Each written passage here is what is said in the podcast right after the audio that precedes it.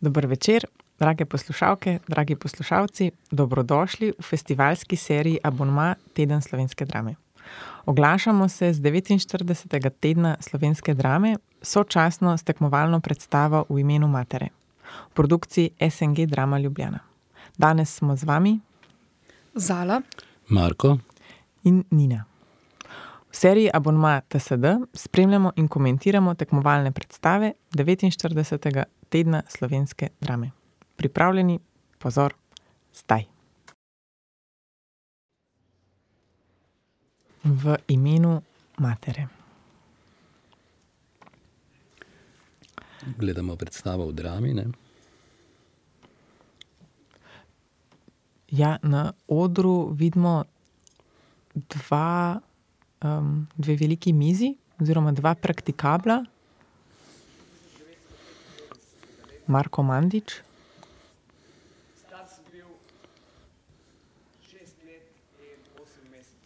Za njim scenografija Irvinov.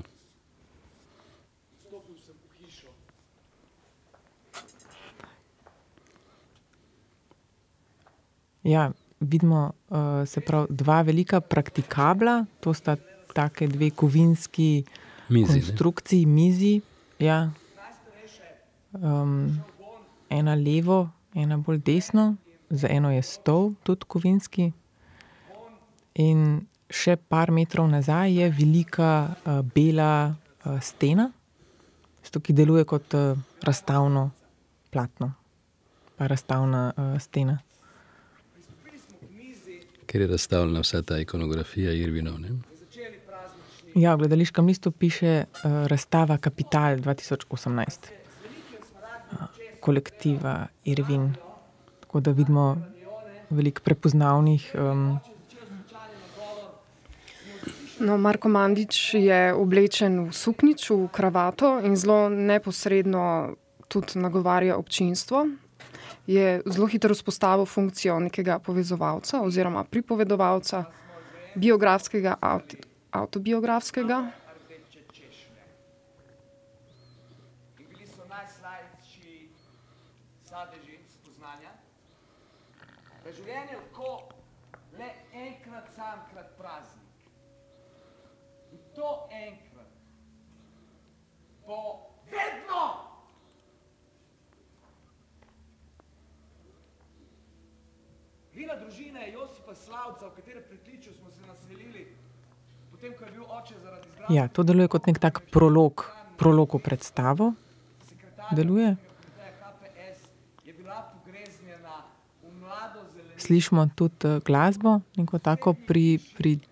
pridušeno, malo dramatično, malo skrivnostno.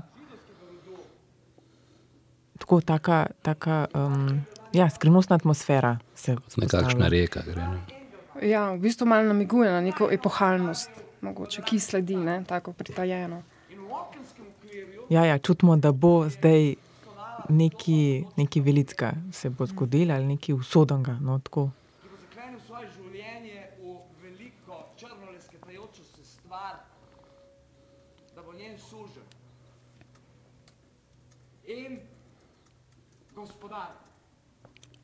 In tako mogočno deluje, ne, ta visoka, galerijska stena, v bistvu predimenzionirana, ne, sega prav od tal prav do čisto do vrha, Do vrha sofit, do portala. sofit, ja. Do, prav do sofit, ja. Prišel je nekdo drug v beli srajci, brez rekelca, s kapo, klobukom.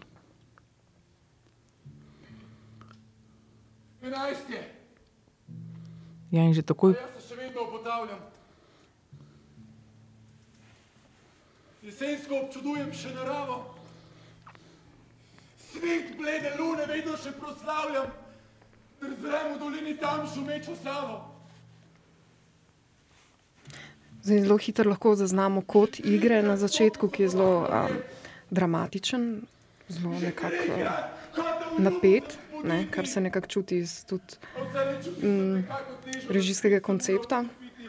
Ki hkrati mislim, s kostumografijo pa lahko tudi vidimo, da, se začne s kronološko, s prvo epizodo.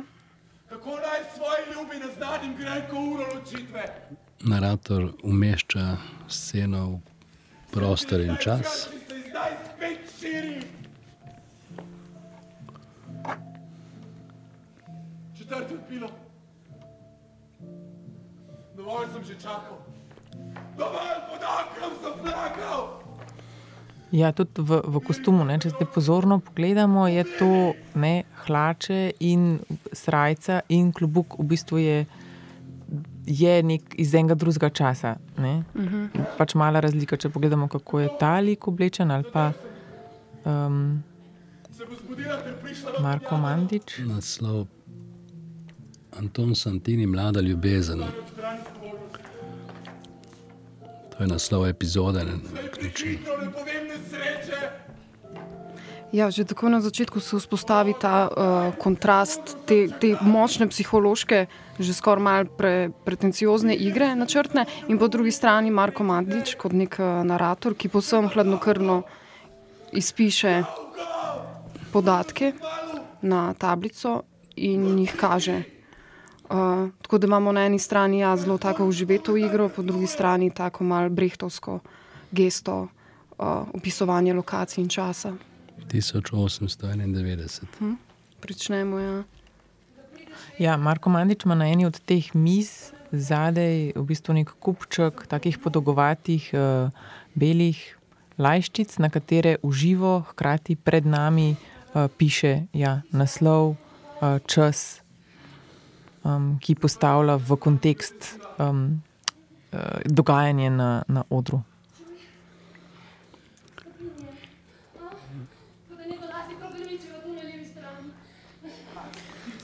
Zgodilo se je skrivno srečanje z žensko, z ljubljeno žensko.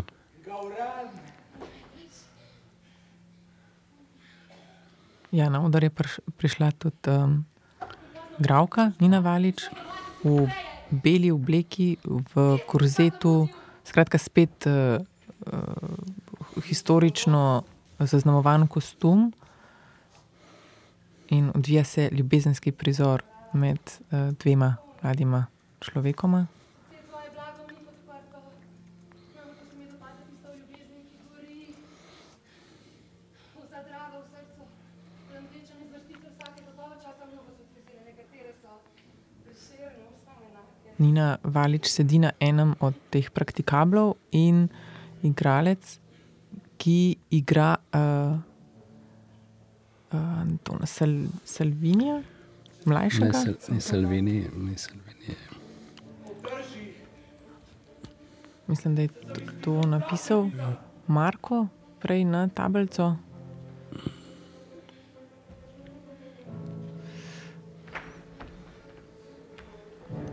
Mlada, mlada ljubezen je naslov te epizode, in gledamo dva igralca, ki se strastno poljubljata. In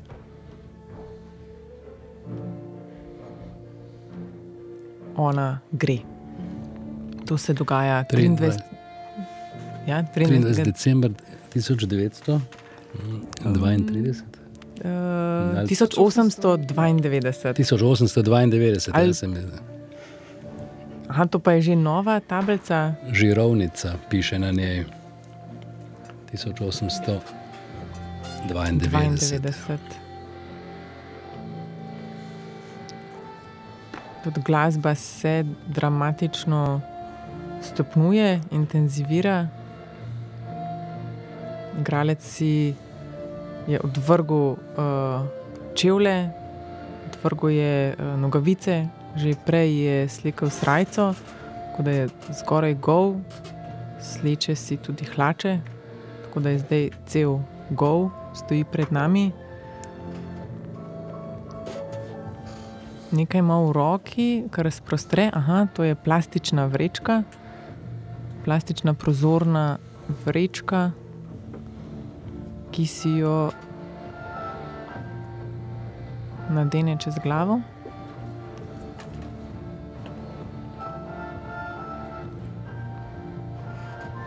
V bistvu smo zelo hitro v prvih manj kot desetih minutah vstopili v to Buljanovo uh, estetiko, se pravi ljubezenski par, ki zelo direktno izvaja neke uh, ljubezenske prijeme in um, nek uh, odnos, razmerje, potem golota, um, ki je v bistvu tudi nekako uh, skoraj obvezen moment pri uh, Buljanu.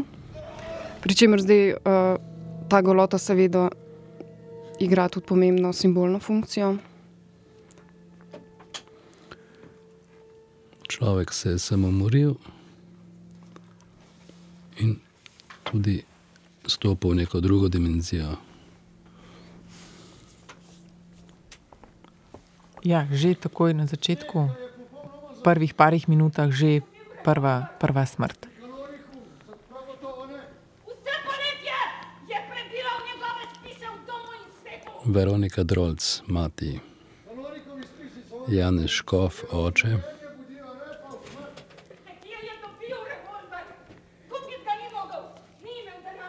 Ja, nekako na odru zdaj spremljamo neke tri, tri, tri nivoje uh, dogajanja. Na nek en nivo predstavljata, se pravi, Jana Škof in Veronika Drolc, sta oče in mama. Uh, ona je očitno zelo zaskrbljena uh, in razburjena. Med njima hodi narator s svojimi tablicami. In taki se je samomoril, kar stoji gol sredi prostora, kakor da opazuje dogajanje realno. Ja, in uh, Veronika Drolc in Jan Škof, ne, kot da ne vidita. Um, Njega, Njega. ne vidite. Ja.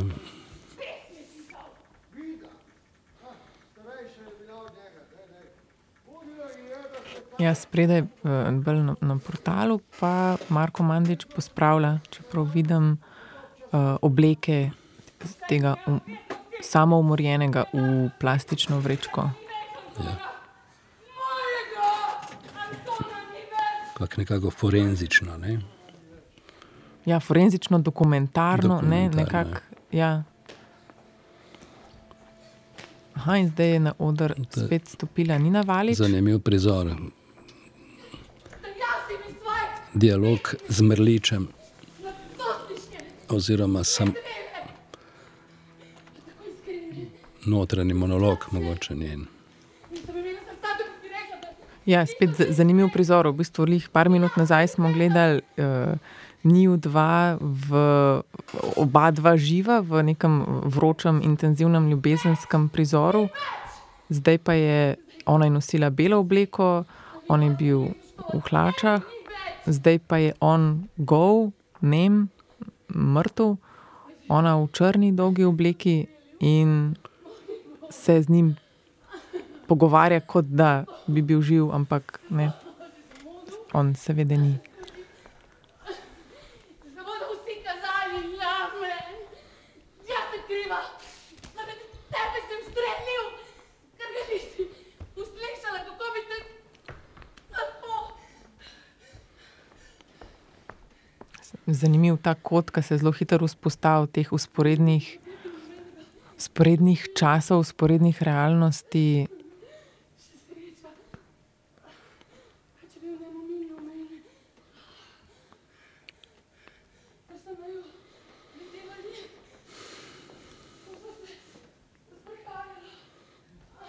Čez zadnjo steno, čez to galerijsko steno, um, se tudi spremenja barvno, barvna projekcija je projicirana tako v takih pasovih, ki se nenehno spreminjajo.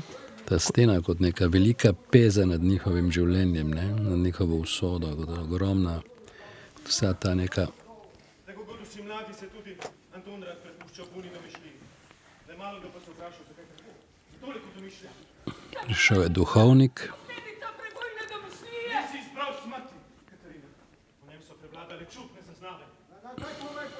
Ja, duhovnika igra Saša Tabakovič. Tabakovič. Ja.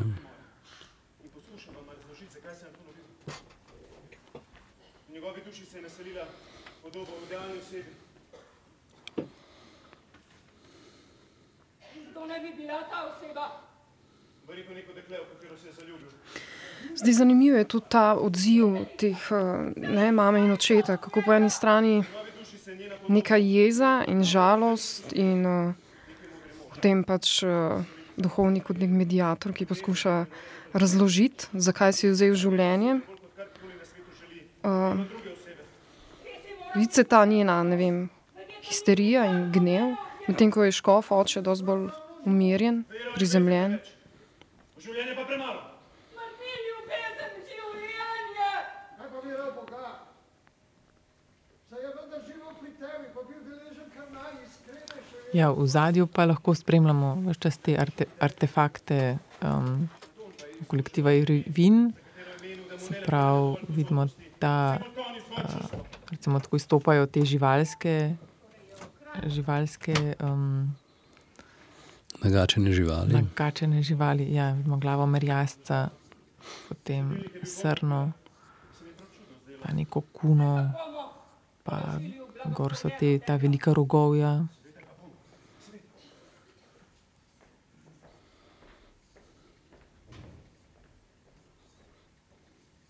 Skratka, cel spekter ja, nagačenih živali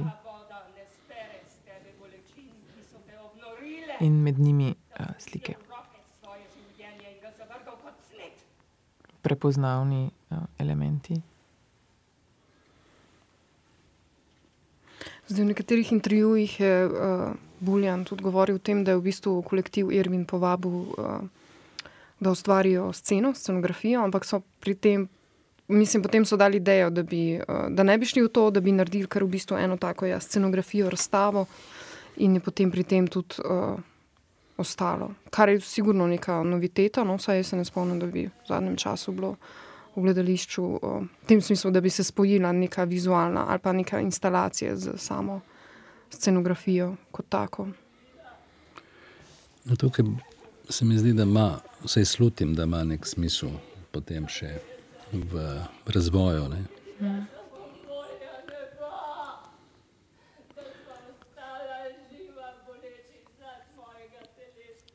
Zdaj, sin Veronik in leži, ko je prej še stal in se pogovarjal s svojo, kot, kot mrlič svojo ljubljeno žensko, ona mu govori mrtvemu. Ja, leži, leži na enem od teh dveh praktikablov kot, kot truplo.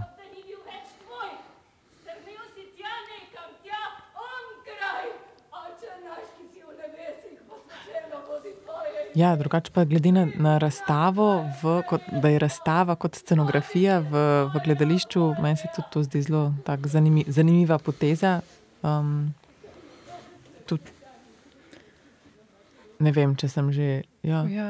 ja, ampak hkrati tudi v bistvu na nek način en tak uh, ready-made, ker so to vseeno neki artefakti, ki so, uh, čeprav razumem, obstajali že prej in so jih oni zdaj izbrali, vsak avtor, mislim, da pet njih.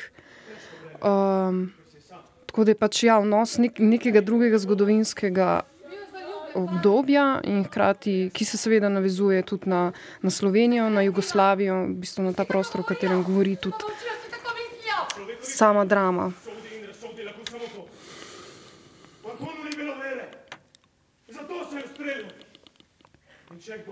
Na neko podzavest, mogoče tudi. Ne? skrbel za to je pivo pri meni v Ljubljani. Ali pa mogoče na, na en obdo, neko obdobje časovno, v katerem ki so ga Irvini zaznamovali, ali kako lahko Ja, to mogoče mm. deluje v neki, ali kaj mislim, vse je to tako močna uh, Na ja, stališče, no, Ja. ja. Redimate, ali predstavlja verjetno neke asociacije, ki jih veže, veže Abs- oni na ja, nje. Absolutno, pa tudi to, da se to uh, dogaja v, v drami, ne? da je v bistvu vse in Irvini kot neka alternativa ali pa nek bolj, uh, recimo, da ne kolektiv, ki ni samoumevno, da se njihovo delo, uh, da je navzoče v SNG drama Ljubljana. Pogovarjala sva se, včasih mi je povedal, kaj so svojo pesem. Ti pišeš pesmi, hči moja. Sem jih nekaj bral v reviji Vrtec. Ja, tiste so bile bolj vajne. Ne, veri, no. Zdaj je ta mrtvec uh, zopet uh, v narekovajih oživel. Uh, njegova, njegovo dekle se pogovarja uh, z duhovnikom. Seveda, ona je polna občutkov krivde in hkrati jeze, in nekako se zdi, da ta faza žalovanja še nekako ni, ni prišla na vrsto, kar je pač normalno, čisto neki psihološki liniji. Ta mrtvec opazuje vso situacijo. Moja duša je lilija, sredi polja samotnega. Moja duša je pisar lep, sredi morja ti Na drugi strani prizorišča pa se dogaja znova en strasten ljubezenski akt med dvema drugima osebama.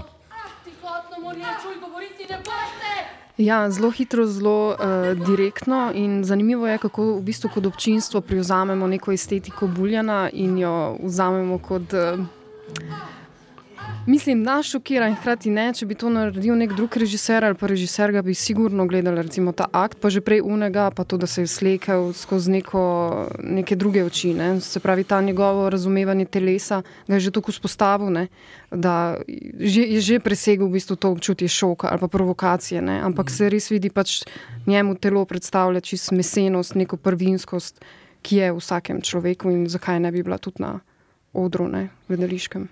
Absolutno, tu se mi zdi, da ni niti šok, ampak dosega neko poetično, mm. poetično dimenzijo. Ne?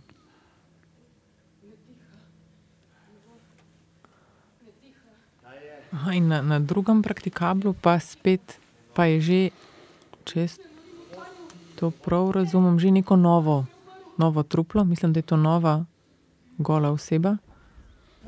Aha, otrok. Ja. Ja, to je prizor, kjer v bistvu umre njun otrok med spanjem.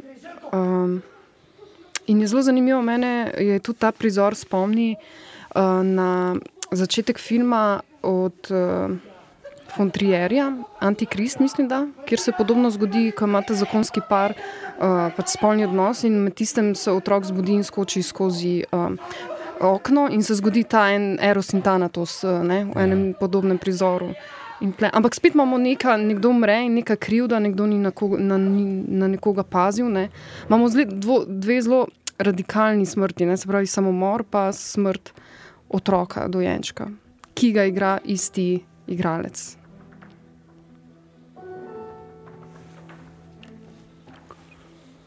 Prihaja narator spet na sceno, Marko Mandič. Ja, v rokah ima neko um, flaško, Stekleničko. stekleničko Piše in- na telo od mrtvega otroka, piše njegovo ime, Željko.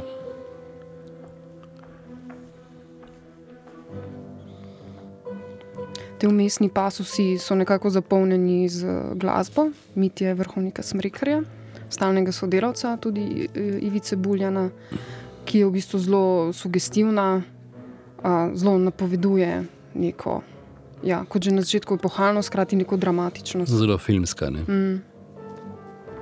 In že tudi nov napis piše uh, Trst leta 1913. Sem-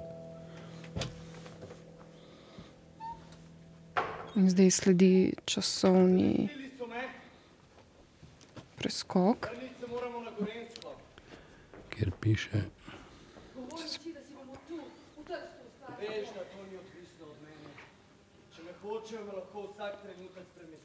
čez pol leta piše napis, ki ga je napisal Mandič. Torej, čez pol leta od um, smrti tega Otroka. otroka.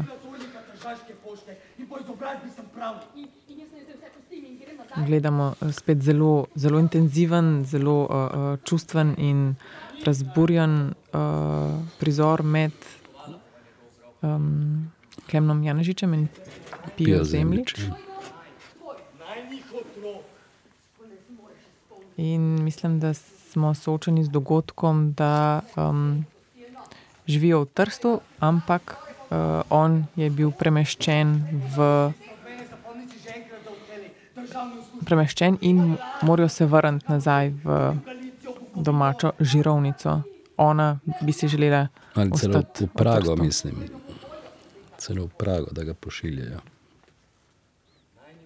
Da gre že zdaj? Mogoče sem zgrešil, ne vem, sem slabo razumel. Za vse bom poskrbel tako, kot vedno, ni tako. Ne, ni. Vedno pač nisi tako poskrbel.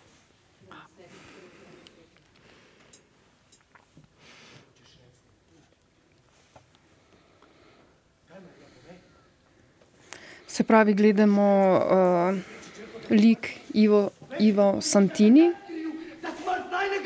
ki je sicer živel um, od leta 1882 do 1923 in njegovo ženo Marijo, ki jo igra Pija Zemljič. Še vedno žalujete za otrokom. 69 let imam posestvo, je pa veliko. Ja, in že je stopil na oder Janez Škof in tak hiter preskok zdaj iz enega prizora, iz enega mesta, iz enega časa, zdaj smo že doma, od, torej odkudar. Um.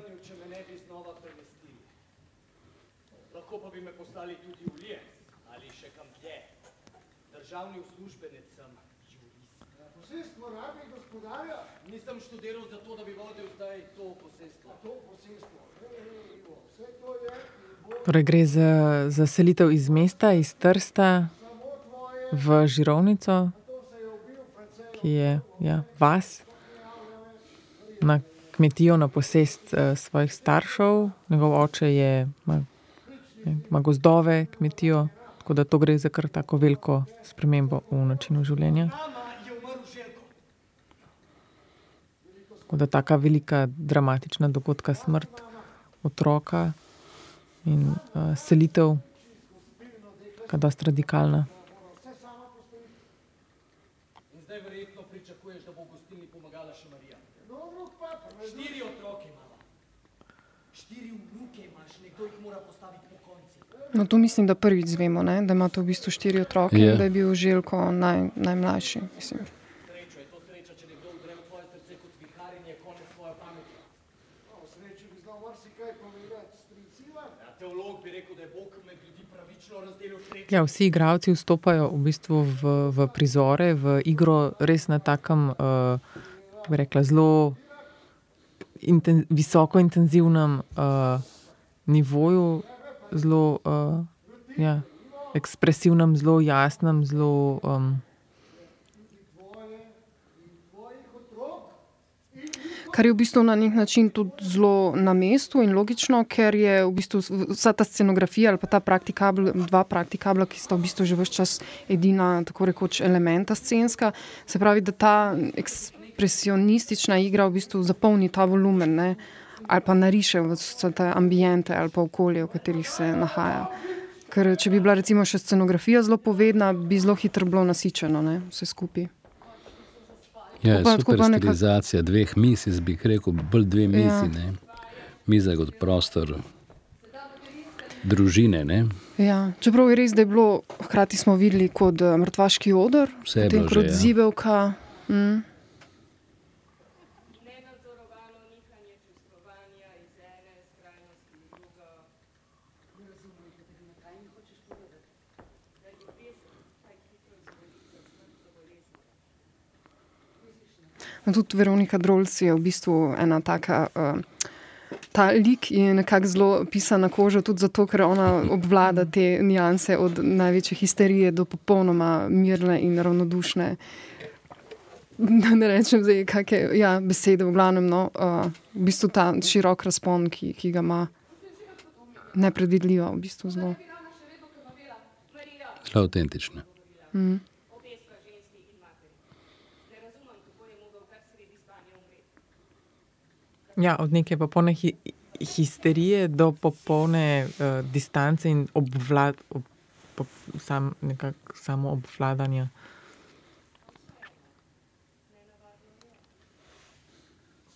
Ne, deluje zelo hladno, kontrolirano. Ja. Lepo.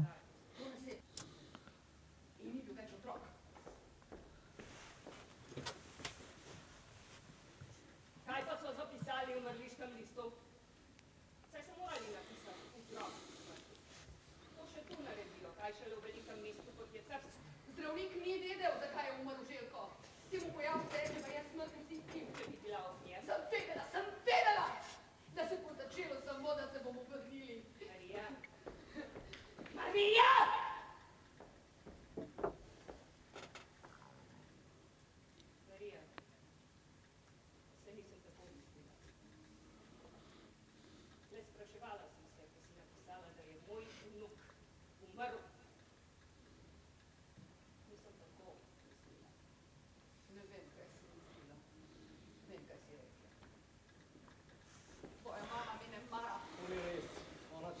sovraža čustva. Tudi sovraštvo je Prestroga si do nje. Ona je prestroga z mano. Do mene se obnaša, kot da sem tujka, še z otroki se komaj kaj grem. Mama trpi. Tukaj vidimo en tak eh, ar arhetipsko situacijo uh, moškega razcepljenega med svojo ženo in, in mamo, in katera ima zdaj prav, in katera ne. Tam sem imela občutek, da sem svobodna. Že pogled na morje je pomirjajoče, da bi kar šel. Šel do konca, do obzorja in še čez mi. Nekaj. Nekaj. Ja, pri tej ne, st- stilizaciji tudi se mi zdijo zelo zanimivi. Um, zanimivo in pomembno vlogo igrajo sami kostumi, ki nas v bistvu spet zelo jasen znak umeščanja v, v čas in v prostor.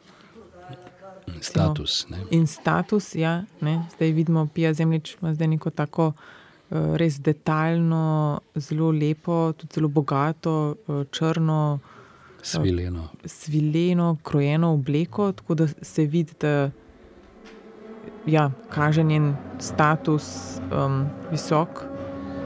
Pa vse čas ta eros in tanatos prisoten.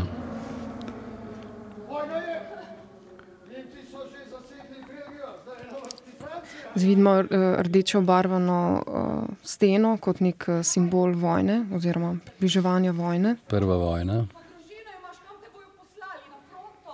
Poklicali so me v Prago. Da bom namestnik Ja, pa res je, ja. sem se zgrešil prej.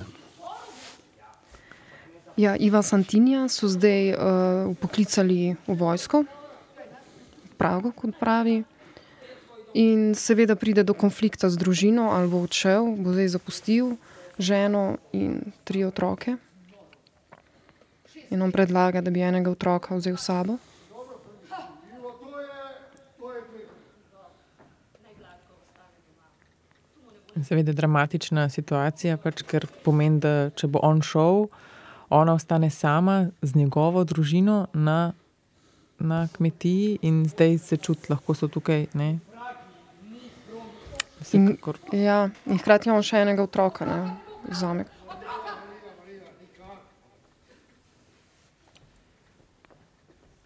ja, predvsem to, ja, seveda. Ne. Enega otroka bo vzel s sabo. Evo, in spet taka nadna sprememba v luči, zdaj stena ni več obarvana rdeče, ampak nekako zeleno, temno zeleno.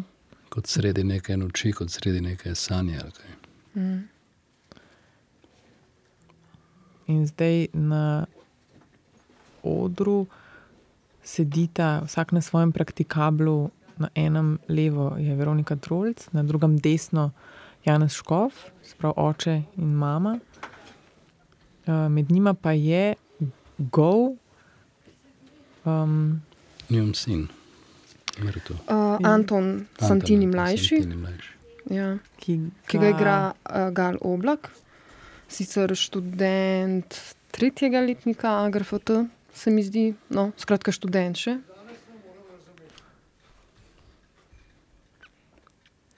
In skratka, to je to prvo truplo, prvi ta samomorilec.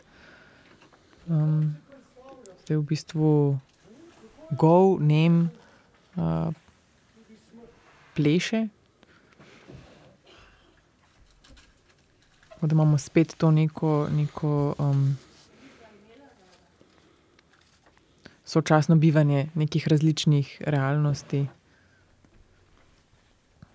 Zdaj vse čas lahko v zadju slutimo pač či, to časovno premestitev in razumevanje zakona in ljubezni, ne, kako je bil vse, še toliko bolj se vidi dogovor, a, kako je šlo za neke dote. A, in zdaj prideta ona dva do momenta, ko se dejansko pogovarjata o tem, če sta se kdaj imela rada, če sta se ljubila. Medtem ko med njima okrog njiju pleše ta gov duh mrtvega njunega sina, ki se, uh, kot je ravno kar rekel Jana Škov, že 23 let ga ni. Ampak ostaja v njuni zavesti in globoko, ne, očitno s to prisotnostjo.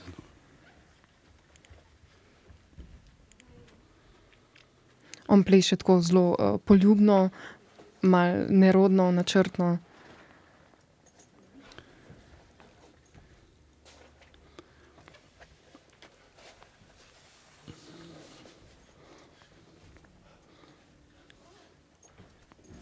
Slišimo tudi uh, njegovo glasno dihanje, tega mrtvega, mrtvega ple, plešočega sina.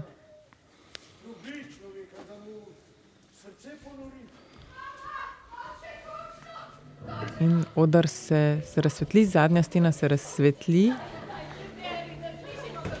Prišlo je pismo z Prage, očitno.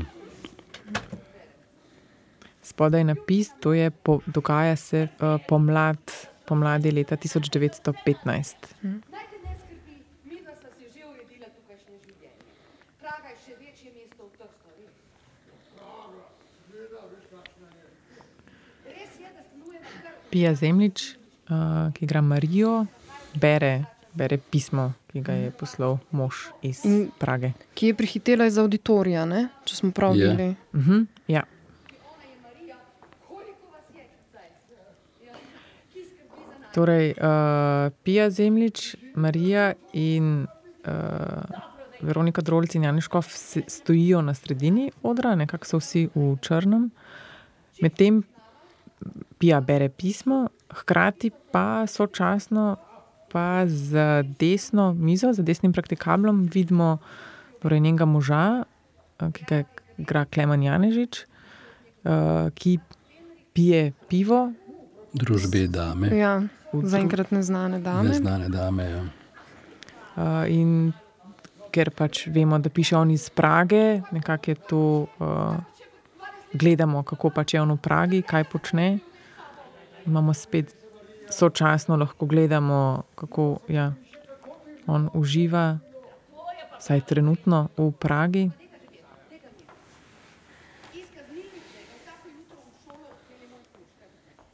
Vojaški sluga, viš, no to nas odove, še furša imajo. Popoldne, ko pouku ga pride iskat in ga odpelje nazaj v kaznilnico.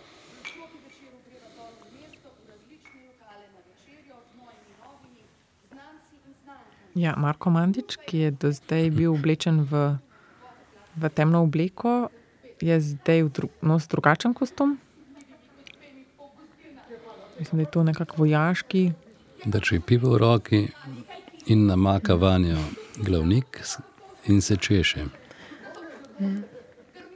Ja, v bistvu je cela predstava do zdaj, kljub neki tragičnosti, prepletena z nekimi komičnimi, ne skozi frcajo v bistvu na nek način. Ampak tle recimo se že začne luščiti ta vloga naratorja Marka Mandiča, ki je v bistvu zdaj kot en lik v Pragi, nek pivski bratec in hkrati je malo prej bil v funkciji tega, da je zopet kot na začetku pokazal, kje se dogaja in kdaj se dogaja ta trenutni prizor. Skratka, um, Pija Zemljič še vedno bere uh, njegovo pismo, ki je očitno zelo obsežno in tudi uh, vsebinsko zelo gosto, ker, ker se zdi, da po vsakem stavku nekako je pretresena ali pa se zamisli. V kontrapunktu seveda Janez Škof, ne, z njemu svojsko ironijo,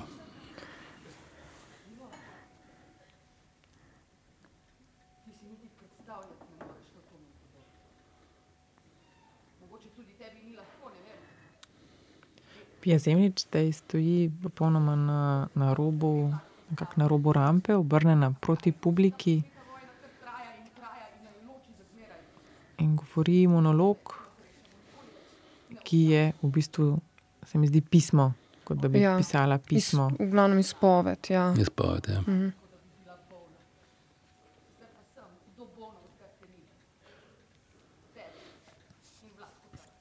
Seveda rekel ima že belico in, in vidico in bogdančka. Bogdanček se vsako noč zbuja.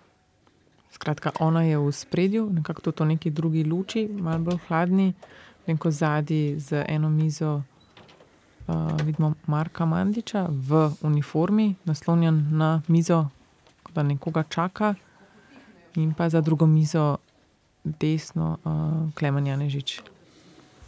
In uh, dama, v kateri družbe je pil pivo, je zdaj šla z odra.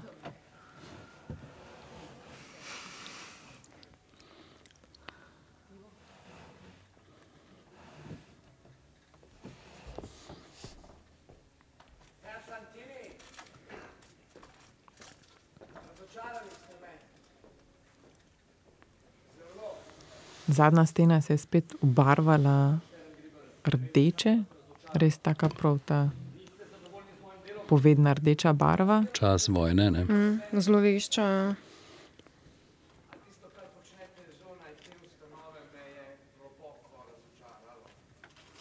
In Marko Mandič je zdaj pa tukaj v Je v bistvu v prizoru in um, v vlo, zdaj v drugi vlogi, ne? zdaj v Ja. vlogi. Um,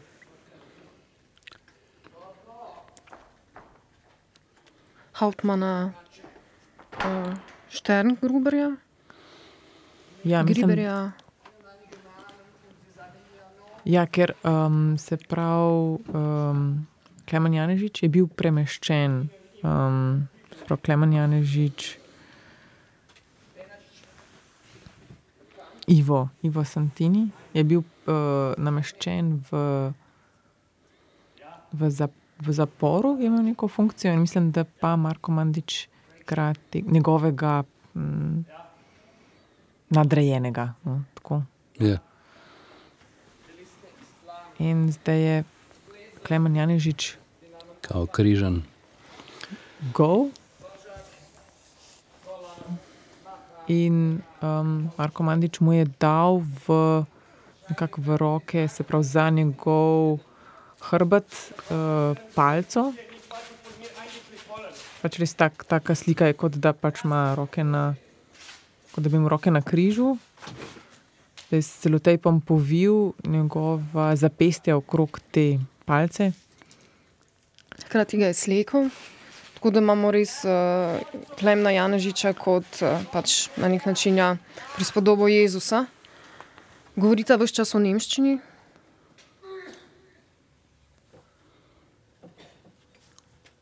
Ja, Marko Mandič vsake toliko časa plune Klemnu Janžiču v obraz in ta plunek potem tudi Poliže. poliže.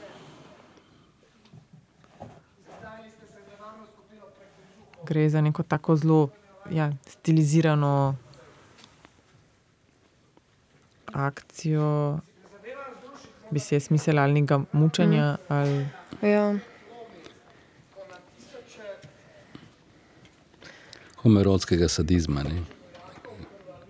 Pričemer, ja, pač Ivo Santin in Klemen Janežič eh, je nekako v funkciji tega, da se to njemu gnusi in zelo ja. očitno reagira na njegove dotike.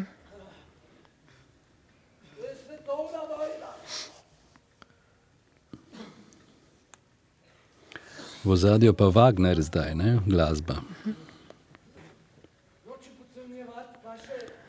Ni Kar je trist- spet zelo po, tristen, ja, povedno, ne, kot uh, ja. s časom nacizma in tako, oziroma vojne.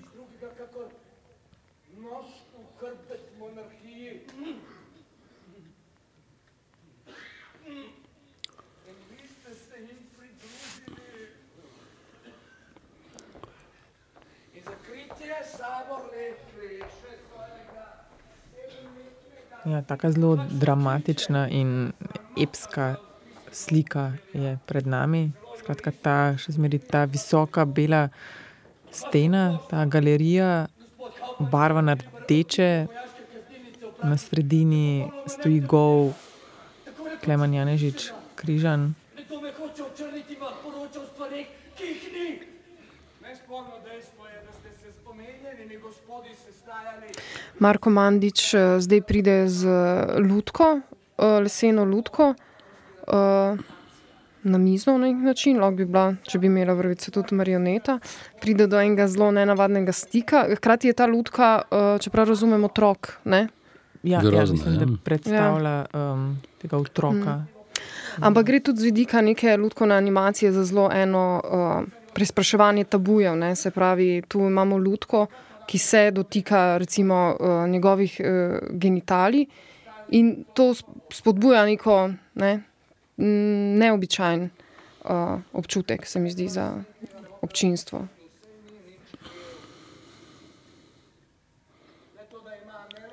Hkrati pa je lutka v funkciji tega, da lahko to naredi. Ne? Ker je na Ja, nek način neka- skoraj nepredstavljivo. Nek ne, da alibi bi- tega, Ja. tega njegovega nadrejenega perverzneža. Ne? da se distancira od te grozote preko lutke in z njo pa počne te grozote. Ja.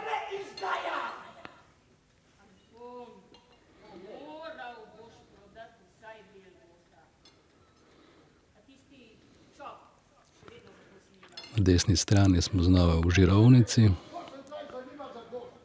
bi moral prodati, ko te je prvič prosil. Saj že rekel, pa še enkrat povem, ne bom prodajal nič. Ne. Priča smo dramatičnemu pripiru, kjer se krešajo stališča oče. Janeškov noče prodati gozda, zaradi in ko se njegova žena ne strinja, bi se zdi, da bi bilo treba to prodati. Dragi otroci, zaradi političnih intrig sem bil postavljen pred vojaško sodišče. Sem srečo, saj je tako dejanje ukvalificirano kot izdaja. Celo vele izdaja, temu pa sledi smrtna kazen. Sreči se je moj šef, gospod Hauptmann Šterngribor, v zadnjem hipu potegnil zame. Klemen Janežič, še vedno gov na sredini odra, nekako se je zdaj izvil iz, uh, to, iz te palice, ki jo je imel pač prilepljeno na zapestje. Um, govori pismo, ki ga piše domov, kjer pač pojasni, da je bil zaradi političnih intrig predstavljen, um, postavljen pred vojaško sodišče. Zdaj Klemen Janežič gov na vseh štirih. Poleg njega pa stoji Marko Mandič, ki ima zdaj v roki to palco in ga s to palco nalahno. Pa tudi še kar močno um, tepe po zadnjici. Kar gre spet za eno zelo tako generično sliko zapornikov in recimo najživljenja nad, nad njimi, ki se v bistvu dogajajo še, še danes. Ne? V bistvu v medijih zasledimo njih gole in potem takšno in drugačno mučenje.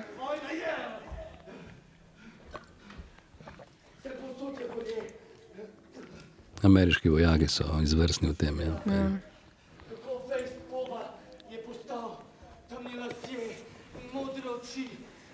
Zdaj, kot že nekajkrat predtem, že od samega začetka predstave, uh, je Buljan nekako izkorišča celoten prostor, uh, tako auditorija, dvorane kot odra.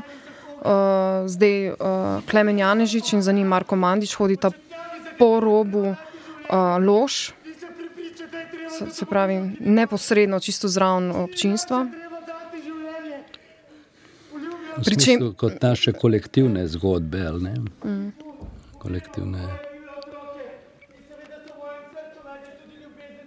Pri čemer je eh, Klemen Janežič gov in to je tudi večkrat uh, naredi um, Buljan, da v bistvu uh, ja, golega igralca v bistvu uh, ne, uh, v narekovajih nažene med publiko. Ne, se pravi, da so nekako dvojno, dvojno ogroženi. Ne, ne samo zato, ker se jim približa fiktivni lik oziroma igralec, ampak je celo uh, gov pri tem.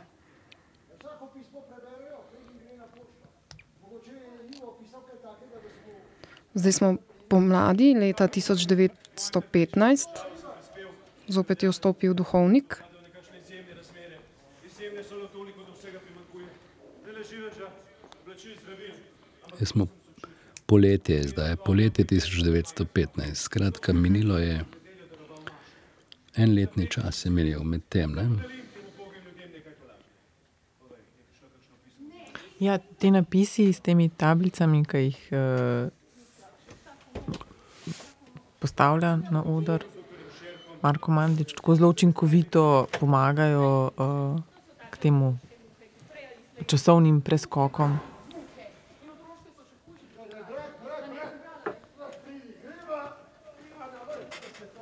Tudi, če pogledamo zdaj, recimo, prej sem omenila uh, ne, kostum, um, obleko Pije Zemljič, ki je bila obleki, ki smo jo videli nekaj časa nazaj, je bila tako bogata, svilena, prefinjena, zdaj je recimo že v črni obleki, ampak veliko bolj Skromni. preprosti, ja, skromni. Se mi zdi, da tudi ne tako vizualno res to zdaj pomaga, uh, tako da res hitro vidimo čas, kako se pač spremenja, kako se spremenjajo v bistvu življenja teh ljudi. Um, aha, in zdaj je pri levem praktikablu stoji Veronika Drolc, nekako čist je zamrznila, nekako nekaj vid in iz uh, auditorija pride na Berglah, z eno Berglo v vojaški razcapani obleki. Um, Klemen Janežič, se pravi njen Sin. sin. Mama, Veronika je popolnoma um, pretresena. Ona maruto na glavi deluje prav kot stara mati.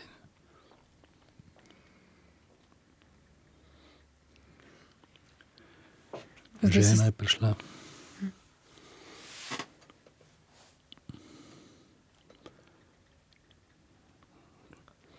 Muslači zamazano uniformo v tišini.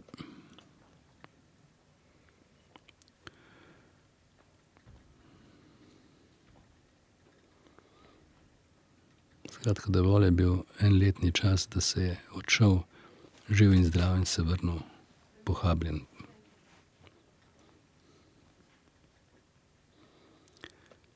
Ne, tri leta so minile, pardon. Ja, nov napis poletje 1918, tako. tako da smo skočili za tri leta naprej.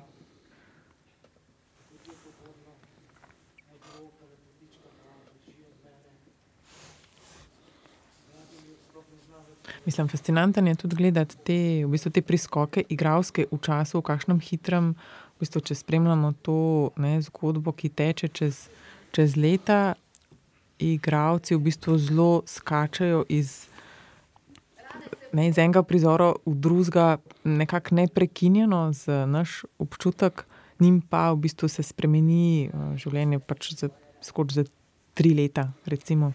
In igravci to v bistvu zelo uh, povezano peljajo svoje zgodbe naprej. Ja, uh, kar je tudi res, da v bistvu je recimo Buljan uh, že zdaj nekajkrat režiral ne, te družinske sage. Uh, na zadnje je imel Jugoslavija moja dežela, kjer je isto, pač gre čez neki generaciji, vse do uh, desetletja nazaj, potem je režiral Tri zime, kjer se zopet med tremi vojnami nekako ponovno um, družinska zgodba. In se vidi, da je mu nekako to pisano na kožo, in da vse čas s temi uh, potojitvenimi, brehtovskimi, ne, če rečemo, uh, elementi, si pomaga pri tem, da v bistvu to zelo hitro kadrira in da se zelo hitro dogaja, hitro nam je jasno. Uh, in se mi zdi, da pač imajo tudi igravci in igralke potem čas se osredotočiti osredotočiti na neko bistvo igre. Na stanje, v katerem je v tistem Ja. trenutku, ja. zgodovinskem. Ne?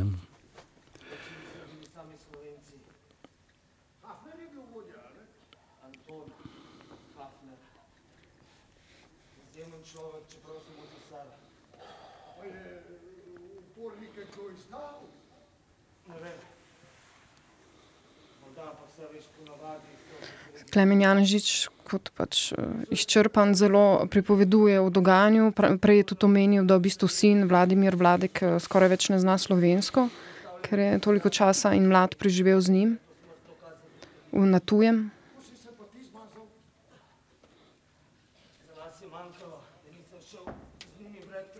Ja, očitno ima tudi eh, ne, hudo poškodovano um, levo nogo. Veronika Trolc, mama mu pomaga nameščati uh, neko to opornico.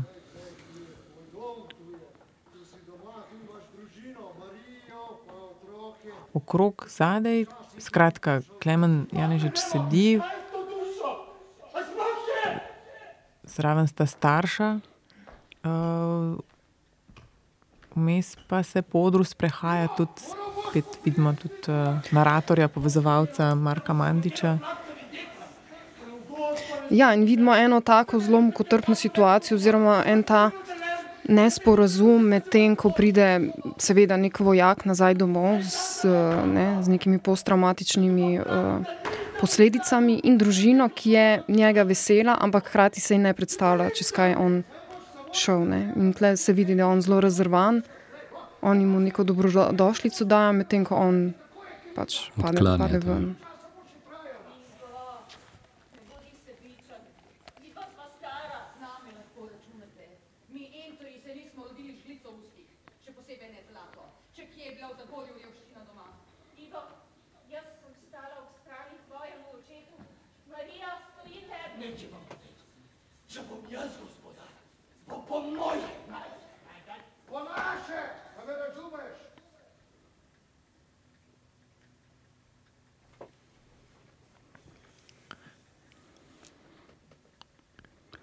In spet tak nenaden res, še lihkar smo poslušali um, dramatičen družinski prepir, ki se je končal kako nenadno, tako da je. Um, Smrtjo Veronike, matere. Ja, in spet ta hiter preskok, Jan Škof je v nekem trenutku samo prijel Veroniko in jo položil na uh, lev praktikabel.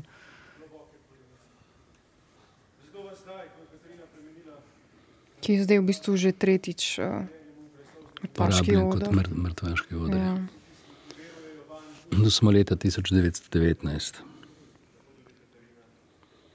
Ja, lev praktikabel je do zdaj bil nekako uporabljen, po- večkrat so že ležala trupla na njem, tem ko na desni, glavno bila to miza. Recimo. Ja, bolj neke Tako. družinske ali pa.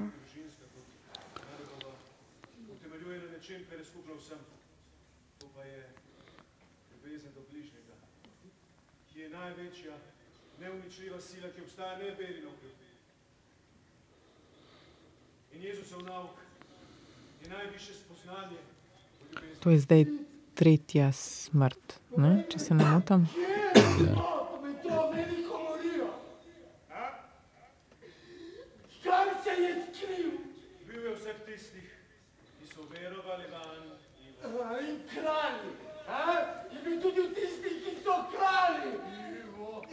Ne muči nas zdaj, Zdi se mi tudi zanimivo, da je v sezoni, um, tej isti sezoni v drami, uh, bila uprizorjena tudi drama Bedenje, kjer Neboša Poptasič podobno govori. V bistvu bi bilo zelo zanimivo primerjati, uh, govori o teh zamovčanih uh, travmah, ne, oziroma koliko so izpovedane, koliko ne, koliko se potem to vali iz generacije v generacijo.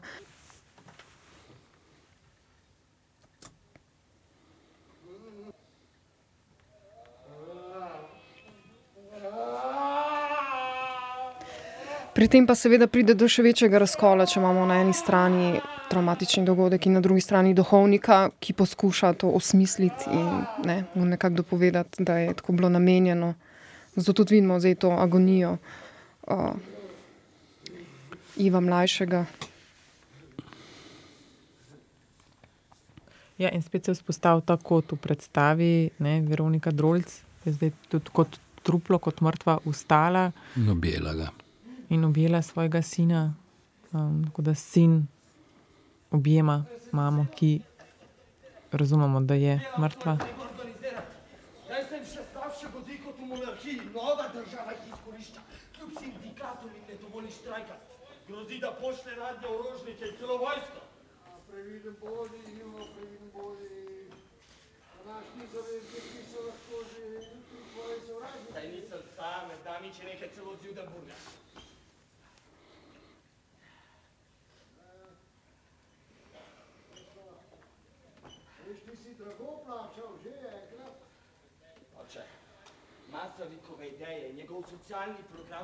Žalke, dragi poslušalci, še vedno spremljate abonma TSD.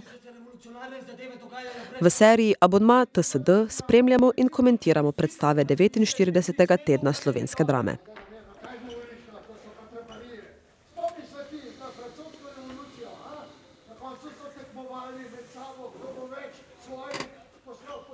Junija bo v Ljubljani kongres socialdemokratske stranke. To bo začetek organiziranega boja. Koliko lahko preveroviš časopise, je komunizem en sam umor, nasilje, pa kraje. Reakcionarna propaganda. Komunizem je in bo uresničenje idealov. In če že omenjaš francosko revolucijo, ideali francoske revolucije so bili svoboda, enakost, bratstvo. Ja, tukaj spremljamo v bistvu prizor med očetom in sinom, ki se razhajata v bistvu pogledu na to, kako Pričemer je sin zelo im- impulziven, ne? um, škof pa z eno to um, zrelo stoičnostjo, zelo bolj razumsko gleda Ja, skuša osmisliti na novo ne, svoje življenje preko te vere v nek nov čas.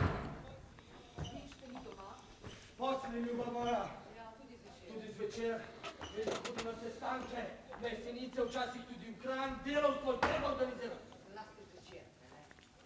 Zakaj namiguješ? Mi ne zaupaš?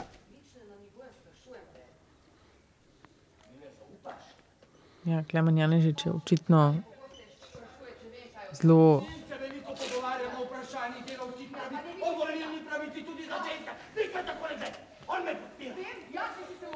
Mislim, vidi se, da je pač popolnoma spremenjen.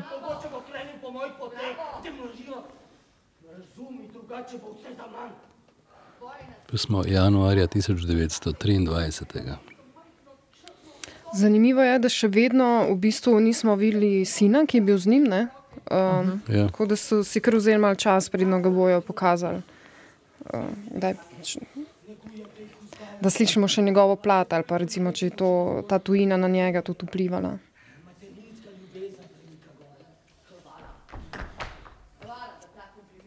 Ja, zadnja stena je zdaj v taki zeleno-črni barvi. Se pa res ne bi smel Kaj počnemo? Kaj, kaj misliš, da počnemo? Od časa do časa spijemo kozarec vina in vržemo karte. Karte, ja, karte, ti regatova. Alegatova, ta prava. Ta, ki hodi naokoli kot kura brez glave in raznaša čenče. Ali res igrate za te To je simbolične vsote. In iz tega, iz tega prepira med uh, Klemnom Janežičem in Pijo Zemljič, med možem in ženo, tudi razberemo, da ima Ivo, um, zgleda, da karta in da je to mogoče lahko problem. Pa najbrž vse, kar spada nekako zraven. Ja.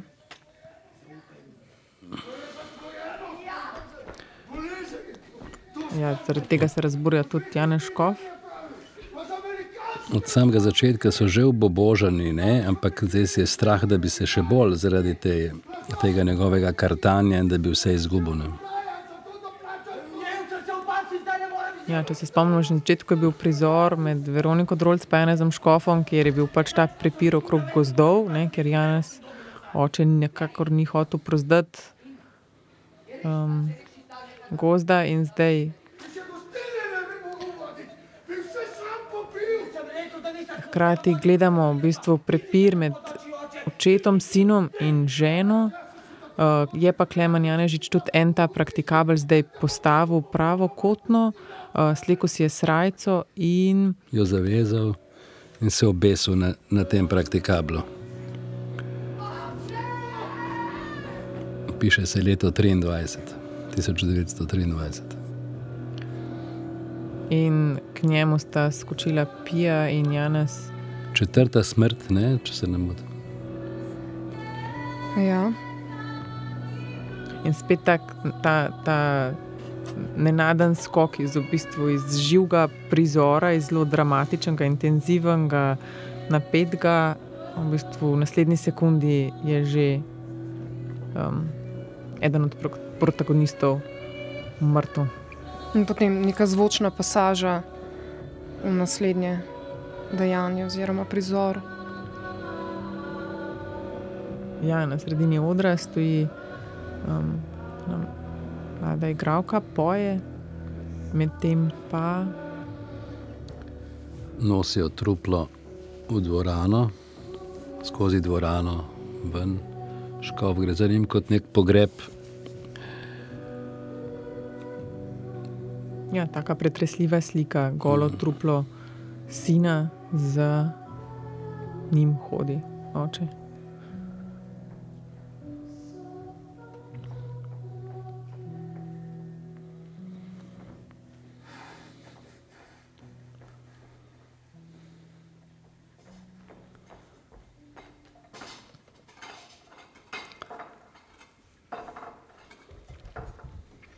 Zdaj, no, na odru, na levem praktikablu, nove, Novi liki.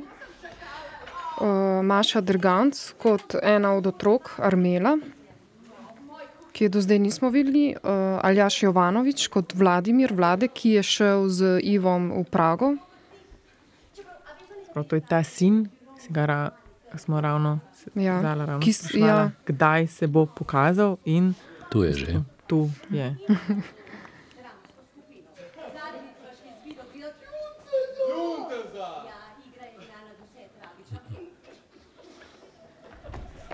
Kostumi so ponovno jasen znak, da smo se prestavili v času, da so to že tako rekoč odrasli uh, otroci.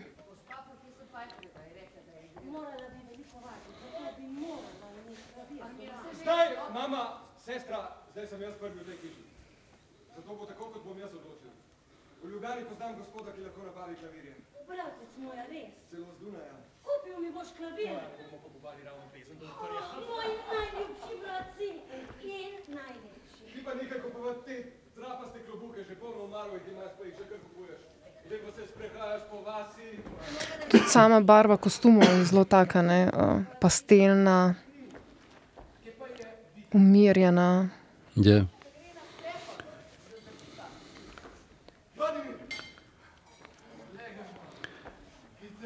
Vse nekje bolj svetlo je, ne? Ja, zdaj, vendarle se je v družino zgleda naselila, naselilo neko pozitivni čas nekega. neko zavezništvo tudi med Ja. ja. Ja, otroci. Zdaj je prišel še tretji sin, Bogdan, uh, igra ga Andraš Harauer, tudi študent AGRFT.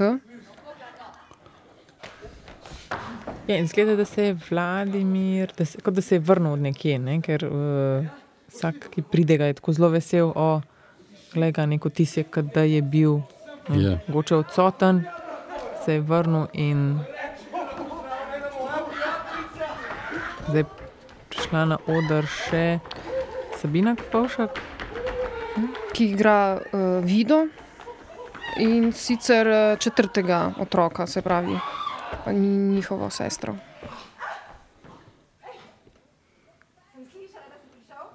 Ja, vrnil se je od nekje in zgleda, da so ga prišli dve sestri in brat pozdraviti, tako da smo družinsko kosilo. Pa še kar govori slovensko. Ne? Tudi Če, hm.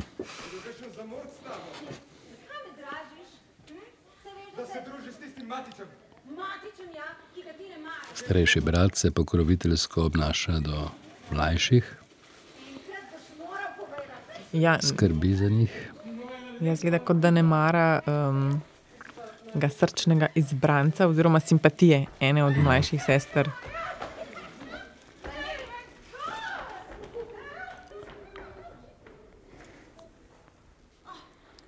Zdaj je prišel uh, Armelin zaročenec, Leon Okrožnik, igra ga Nik Škrlec.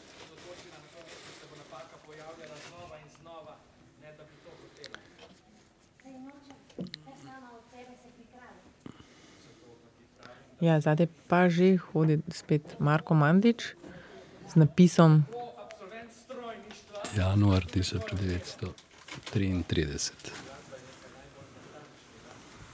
Zdaj Marko je oblečen neke črne hlače, pa v nek tak črn, črno ogrinjalo s klobukom. Taka pojava je zelo tako, taka markantna, neka taka senca. Hod okrog. Pa ja, v bistvu je zelo zanimivo, kako je on umeščen. Ne? Na nek način je zelo izpostavljen in dela na tem, da je opažen, ne? in hkrati je nemoteč. Um, Ja, popolnoma. ja, kar se mi zdi, da je tako neka ta pač mandič nekako to obvlada. Ne? Kako biti opazen in hkrati neusiljiv. Recimo, če smo pozorni, vidimo, da tudi te table, na katere on zapisuje um, uh, kraje in lokacije in datume, so v bistvu neki razrezani plakati uh, iz, iz drame, ki so jih uporabljali za neke uh, promocijske namene, ki je spet en tak mal na pol prikrit znak scenski.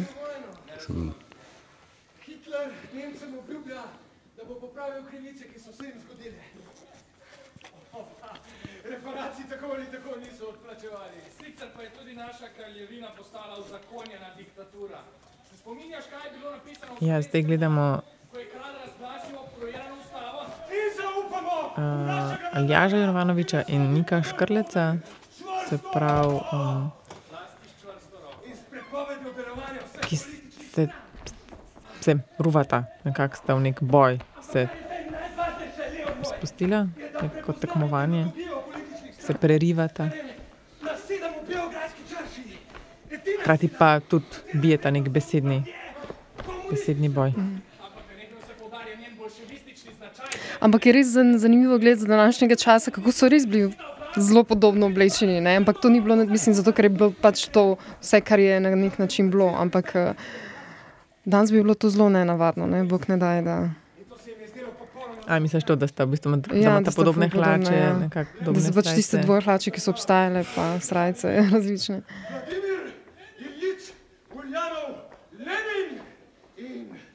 Leo Davidović Trotski.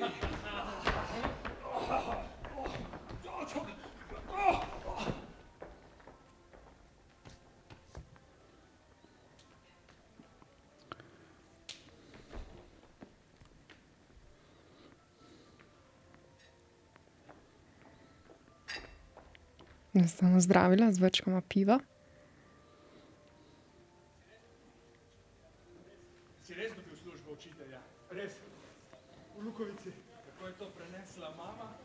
Sprijazniti s tem. Zakaj pa sem končal učiteljišče? Zagotovo ne zato, da bi zdaj stal za šankom in bil izobražen pir. Nekaj bodo sestri in Bogdan že lahko pomagali mami.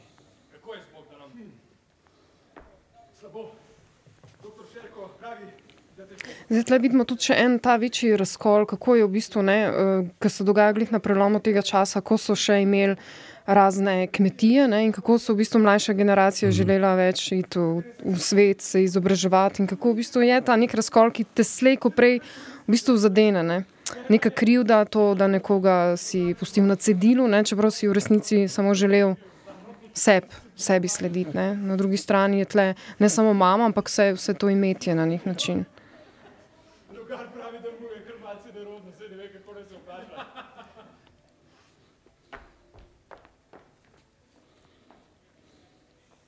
Z Armenom načrtujemo izlet v Benetke. Kaj misliš?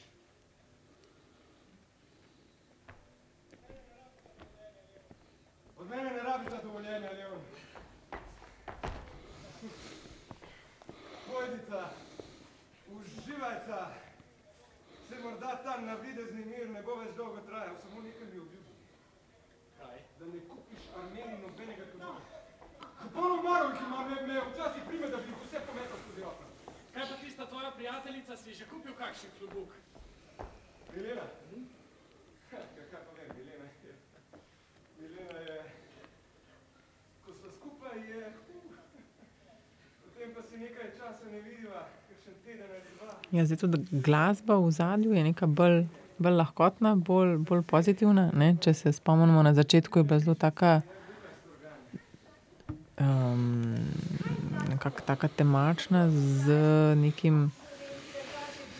S tem občutkom napovedi, nečesa um, težkega, smo zdaj nekje v nekem delu predstave, kjer je nekako nek občutek neke lahkotnosti ali Ja, v skladu s to dinamiko tudi novih odnosov, yeah. tega, da oni pač ja, tudi ne se omenja to, da greste na izlet, da se že začenjajo te neke. Um, Neka mladostna pomlad Ja. je tu, ne, vse, nekaj, vse se nekaj verjame v nek nadaljevanje življenja, ne, z neko vero v življenje. Ne.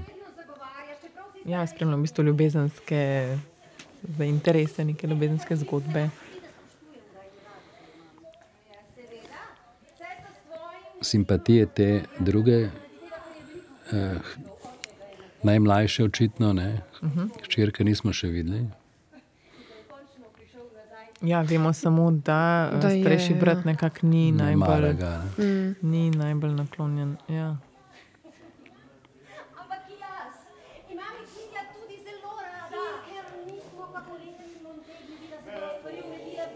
Da. Mhm, Zdaj že slišimo nek aha, zbor. Z leve strani Aha. imamo dva. Zdaj štiri- vidimo tudi to simpatijo te tam mlade. In zdaj imamo na levi strani skupino eh, fantov, moških, nekih sedmih, osmih, devetih, in na desni strani skupina uh, žensk, deklet. Že drugič pojavi moment, da pride do neke narodne pesmi. Ne? Prej je bilo, vsi so prihajali, sam njega ni bilo, zdaj imamo spet neko. Um, Ene tako zelo jasne znake, ki na vse, skoraj vsem dajo podobne situacije in asociacije. Um, na neko to ljudsko zavest, ne, ali pa neko narodno zavest, ali pa čisto lokacijsko. Ja. Yeah. Da to je tu, to se nam je dogajalo, da prepoznamo tako je nek vzgib vse. Ja,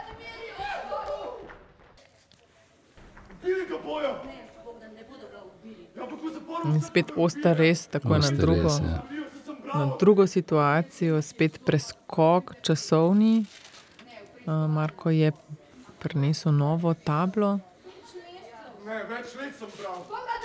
in uh, Očitno je Jovanovič v zaporu. Ne, zdaj. ja, se pravi, gledamo mamo Pijo Zemljič skupaj s tremi otroki. Uh, Vladimir pa je v zaporu in vsi so zaskrbljeni. Piše pa se leto 1934.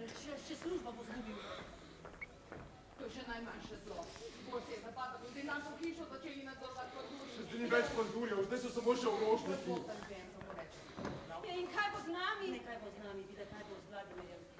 A ne bi prosila strica, da nam pomaga, saj on ima velik vpliv in ugled. Jo, pa ima, ampak je crkveni dostojanstvenik, a ne? Kaj lahko stori za člana prepovedane komunistične partije? Nemo ga pa res. Lahko prosim strica za pomoč. Ja, že, že danes mu napišem pismo. Nisem slišal, da so Vladimirja aretirali. Ja, medtem ko sva se midva predajala beneškim užitkom, je on vstopil v prepovedano stranko. On nima nič z Benetkami, mi hočeš kaj očita kmera. Ne vem, Leon, kaj je boljše, da pustiš, da ti drugi krojijo usodo ali da jo vzameš v svoje roke. In si pahnjen uječ. Tako. Oportunist si, vem. Ne ljubiš me več. To nima nič Pa ljubezni. ne, hajda! Pa še nekaj, mama. Vladimir ima tudi novo izvoljenko, pa nam jo še ni predstavil. On že ve, zakaj. A bi se lahko nekaj prepira, tako da nam ne bi bilo že dovolj To je v bistvu zanimiv in tudi zelo na nek način strašljiv prikaz tega, kako politika vstopi v družino. Ne? V bistvu kako jo lahko razdre zaradi nekih političnih nazorov. No, Zdaj je Marko Mandič v vlogi inšpektorja, zasliševalca in zaslišuje Vladimirja v zaporu. S tipično lučjo v obraz. Na, na tej mizi praktikablo je svetilka, ki sveti v obraz Jovanoviču. Scena je tako hemetovska. Ne? Za luči so take kot v nekem neki kriminalki. Ne? Ja, celoten odar je zdaj nekako v, tako nekako v sencah, v temi. Ne. Edina luč je ta zasliševalska luč in pa ta projekcija, ki osvetljuje zadnjo steno, s tem, da je kak, tako vse zastrt nekako v, v temi, v nekih zelenih tonih. se Ta vloga 31 razglasil kralj Aleksandar je obtožen. zasliševalca je zelo podobna tisti, ki jo je igral prej Mandič, nasilneža v, v Pragi, v zaporu. In tudi v tem prizoru Ja. a, spet gre za prizor mučenja, tokrat Marko Mandič kot zasliševalc tišči glavo Ljaža Ivanoviča v vedro z vodo. svojim romanju dokazujete, da nimate niti enega dokaza, da sem hotel zrušiti monarhijo, da sem terorist. 1935 let se piše. Tudi a, Marko Mandič govori v, ne, govori v drugem jeziku, kar se mi zdi spet zanimivo, da slišimo. Mm. V srbščini nekako. Ne?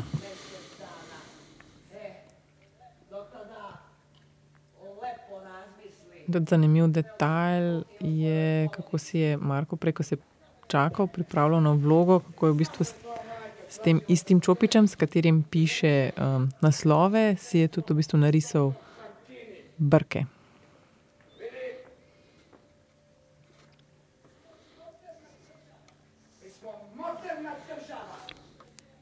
Se mi zdi tako zanimiv detalj tega prehajanja, kako je on ta prisoten, povezan z dokumentarnim in z igranim, tako nekako tako lahko prehaja tudi čist na ravni teh elementov.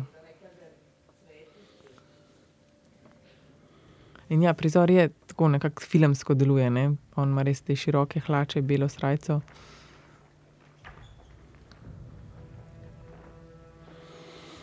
Smo že v novi situaciji, spet nosijo eno truplo.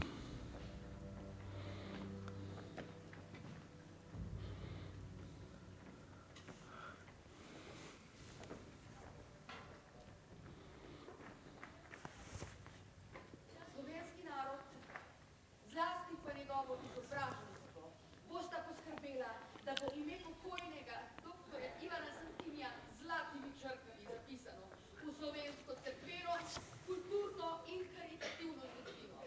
To je pa lepo. Ja, zgleda, da je umrl. Um,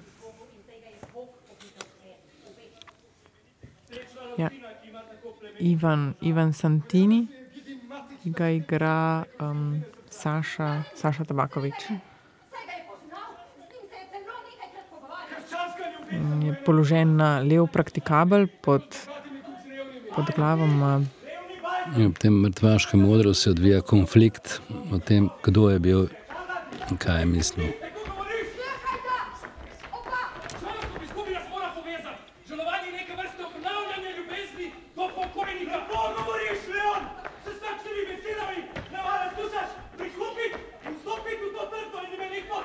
Je ja, ob mrtvaškem odru, ja, oster, oster uh, prepir, oster besedni se- spopad med, predvsem med Vladimirjem in um, tem zaročencem njegove mlajše, mlajše sestre.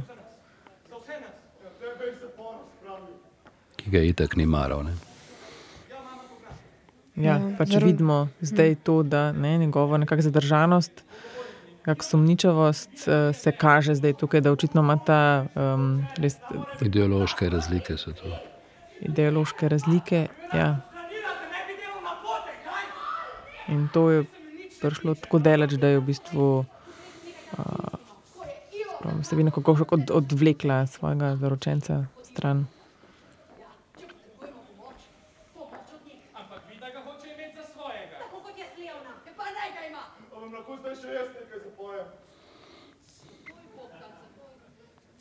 Kot si rekla, vidimo, da smo priča temu ja, ideološkim razlikam in pa um, čist in, intimno osebnim interesom.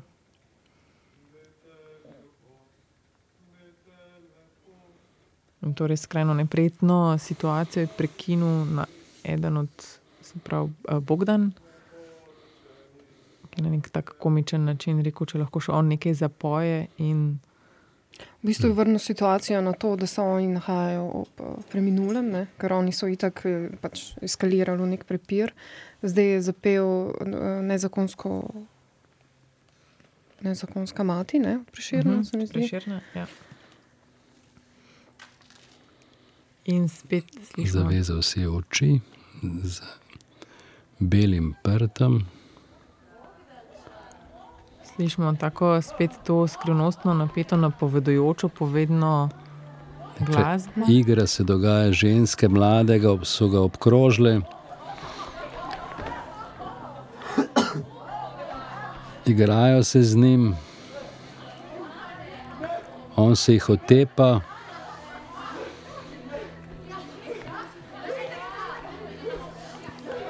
Dotikajo se ga, hlastajo po njem. On se upira.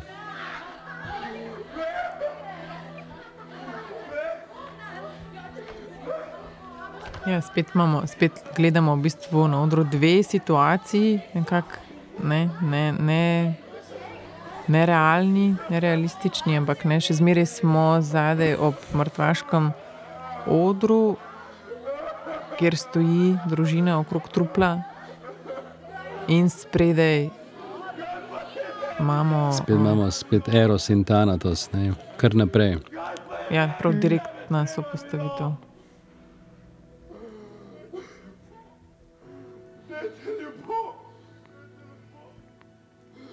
Ja, Zdaj teh pet mladih deklet v takih kratkih kombineščah, črnih šlo. Spet, ko so se pojavile kot neka, ne, lahko, ne veš, da je to neka eh, želja ali nek strah ali neka realna situacija iz preteklosti, kot nek privid. Um, Avgusta 1939. In spet preskok v novo situacijo. Ne, Bogdan, Bogdanu je njegova mama, Pija Zemljič, rekla, da je postal očka, da je dobil otroka. Meni ni všeč, da je otrok.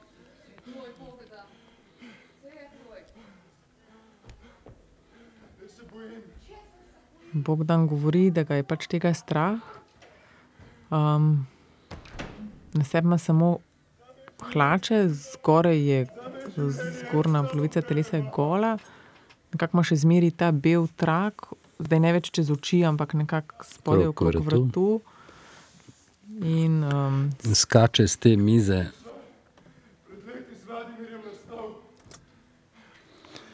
In nekako skuša stilizirano, poskuša samomor delati, ali kaj ne. Nebo je bilo kristalno sinje. Veter se je potuhnil.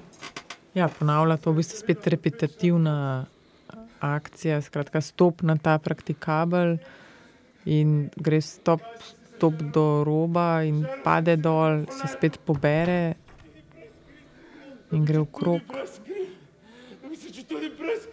Tam prepad. Gre za neko tako samo destruktivno, samo izčrpljujočo akcijo.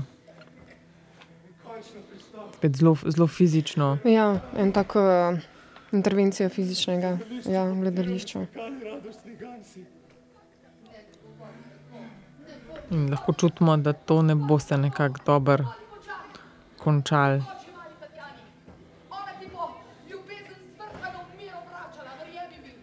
Okrog stojijo vsi, Mati mu govori, da skuša prepričati, umiriti.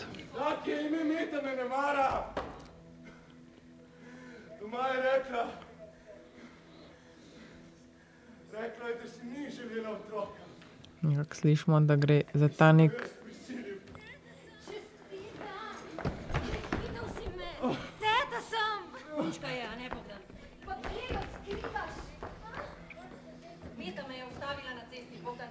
mislim, tak dost pretresljiv, precej pretresljiv prizor.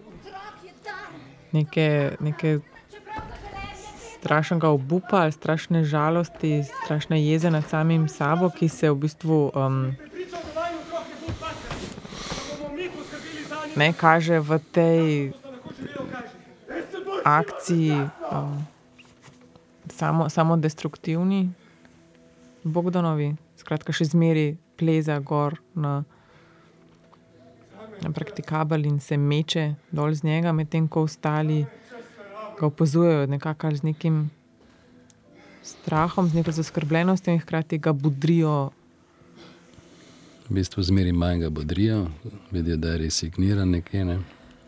Ja, najbrž tudi vidijo, da pač nima več vpliva. Ja. On je tudi najmlajši otrok, v bistvu očeta, ki je naredil samomor, ne? tako da je sigurno pač ta neka pogojenost, ki včasih tudi uh, voljo samo po sebi. Volja nima več moči. Zdaj se znova zakrije oči s to belo, belim prtom, belo ruto, belim robcem. Gre na rob te, tega praktikabla znova, stoji na robu tega praktikabla, Ja, tokrat hod čist diha počasi. grozno, maje se na tem robu, maje se.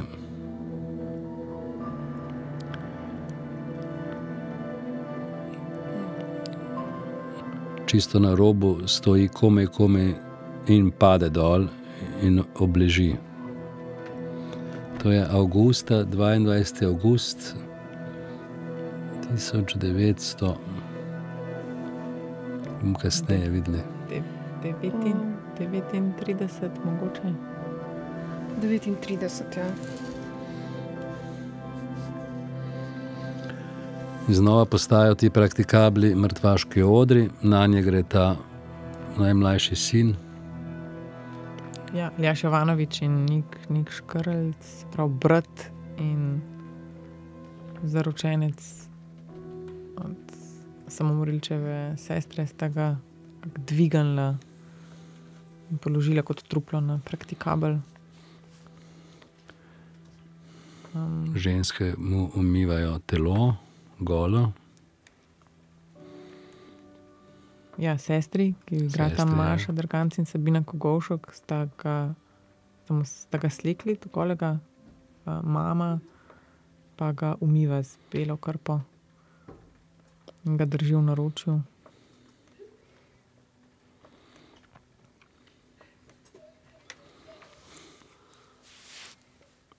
Koliko jih bom še morala izgubiti, da bom končno opravila. ja. To je v bistvu zdaj drugi otrok njen, ki umre, in pa mož. Ne? S tem, da so Ja. vsi tragično preminuli, mislim. Ja. kakor da je samomor zapisan v tej družini, ne v, v genih. nekje. Ja, prvi otrok je umrl v spanju, ne, še kot dojenček. Ja. Mož je naredil samomor, in zdaj najmlajši otrok tudi naredil samomor. Ivo, ki si bil sposoben vsega, kar ga je doletelo, ni bil slabič, da ni bil. A učimo za to. Navadno, preprosto življenje. In zdaj, ko se prostovoljno poslovim, še Bog da, da mi je zapustil našo malo Tatjano. S temi Za, Ne odhajaš, še Vladimir. Spet bo vojna.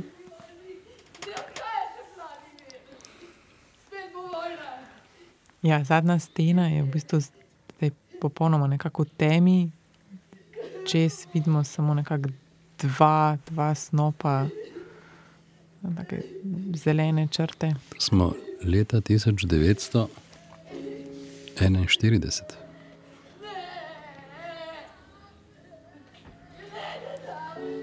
Evo, Mati se oklepa svojega sina, noče ga dati, pa ga vendarle odnesejo. Ja, Marko Ma, Narator. ja, narator Marko Mandič je v bistvu odnese zdaj to truplo stran.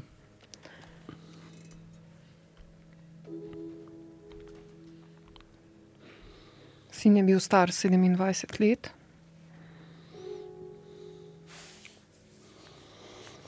Pije zemljič pride na rampo, na rob odra, znova je kot pogreb, skozi dvorano ga nosijo, truplo nosijo.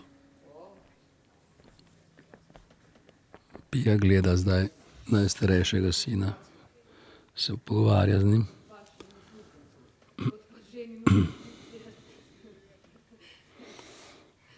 Manj samo pozorni, če si urejen s kravato. Letos prihaja poletje, počasi, previdno. Češnje so še trde kisle. Kdo jih bo obral? 56 let. 18 leti si stopil v sin na mesto očeta, ki mu je obraz pomodrel od zadrgnjene vrti. Vlak prihaja, mama vojni. Tekoč davno sem se tako čakala na postaji, da si se vrnil iz Prage. Veš, ko si stopil iz vlaka,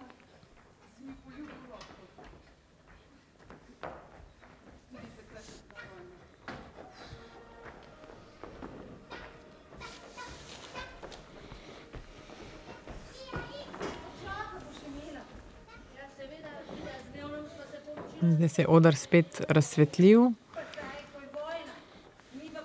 in spet nek preskok v času, vidimo Mašo Drganc, ki igra um, Armelo. Armelo. uh, visoko noseča, je visoko noseča, pogovarja se s, uh, s mlajšo sestro. In v bistvu jih pogovor, ali med zdaj, zdaj, ko se spet uh, začenja vojna, ali med otroka, ali ga med kasneje. V zadju glava Marjasca pa še zmeri tam, velika in grozna.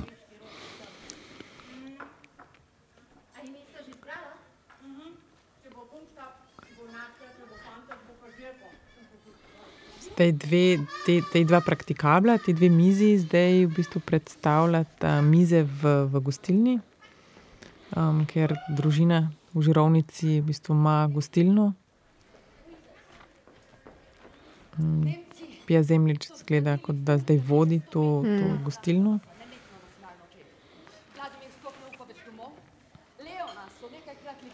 In za eno od mest sedi en uh, vojak, prav ta z to nemško, nemško prevezo, s tem nacističnim znakom. Švabsko uniformo. Jih je pa gostilna polna. Še dobro, da zna kje za nemško. In preko streže pa se jih prej znebili.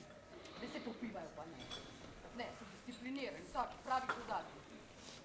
Na pasu imajo sponko z napisom V bistvu ta znak zelo neusiljivo ne, postavijo na oder. Pač on je in uh, potrebujemo čas, da ga opazimo. Ne. In hkrati pa že napoveduje neko um, novo ero, novo zlo, ki prihaja.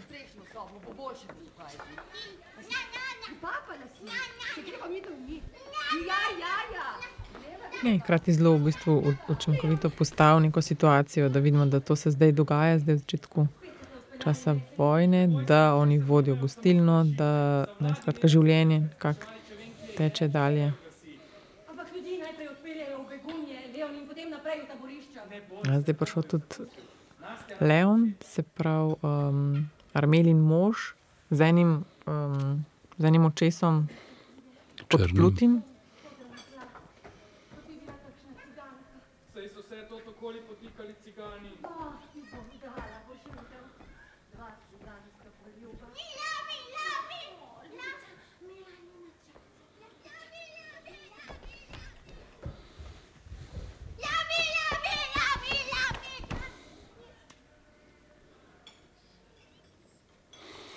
Ta otrok, odrasla igralka, igra otroka, na pol dojenčka, kar deluje zelo grozljivo, moram reči.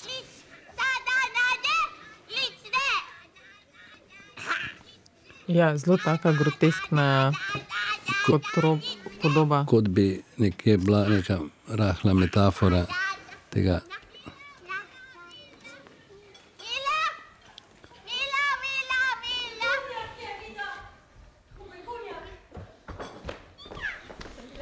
Je prišla Maša, prav, uh, Armela, popolnoma razburjena nazaj, češ da je Leon v, v begunjah.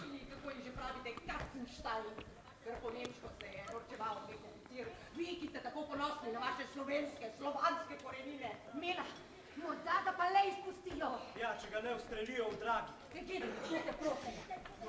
ampak to so dejstva. Žalostna.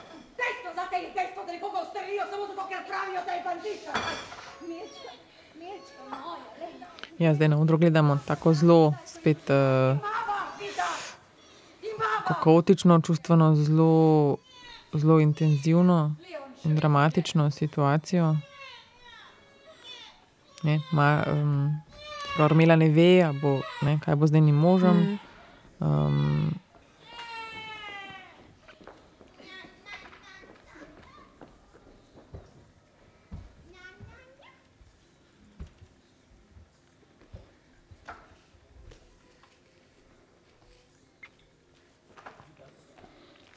Zdaj je na oder stopila Pija Zemljič, mama, popolnoma v črnem.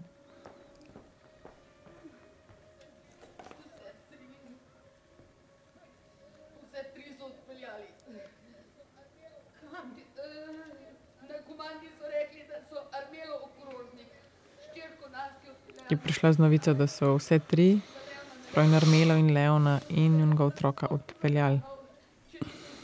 Taborišče, ne.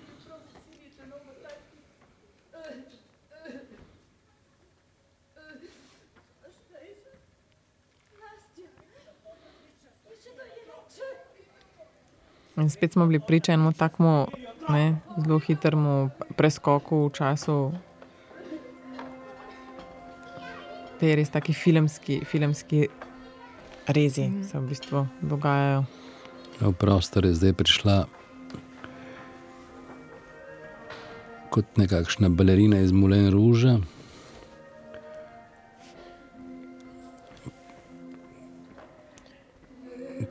Ki pleše na pesem.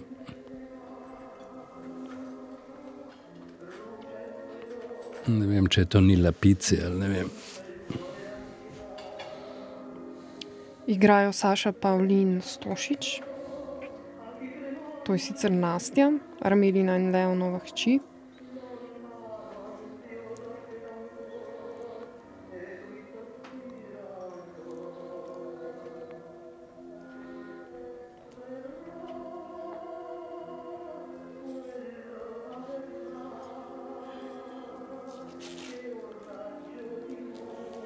Ja, Marko je. To je v bistvu prihod, verjetno, Italijanov. ne.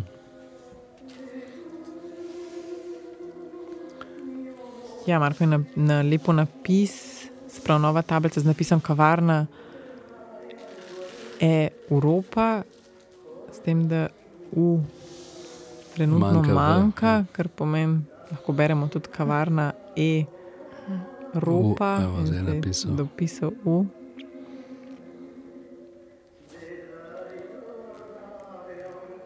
Zdaj lokacija, spravo Ljubljana, oktober 1941, v kavarni Evropa se nahajamo.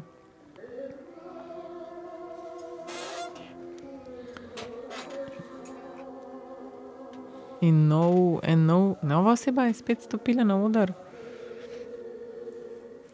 Za eno od mis je si postavila stol, se usedla, zdaj je prišel še nek nov igralec, tudi če nismo videli ne enega, ne drugega. Mhm, sedla sta se s hrbti drug proti drugemu, ona je vrgla robec na tla in zdaj sta se poljubila. Nekako to je zdaj vtis, da je to nek skrivno srečanje. Čim prej moram na Gorensko. In tudi je bil to en daljši prizor brez besed. Gor je situacija precej drugačna. Ha, Ba- Barbara Cerar Jaz moram poskrbeti za Nasto. Dala jo bom v varstvo Zikarlovi mami. v vlogi Mire. Pri mami v Idriji bi bilo še bolj nevarno. Obiskovati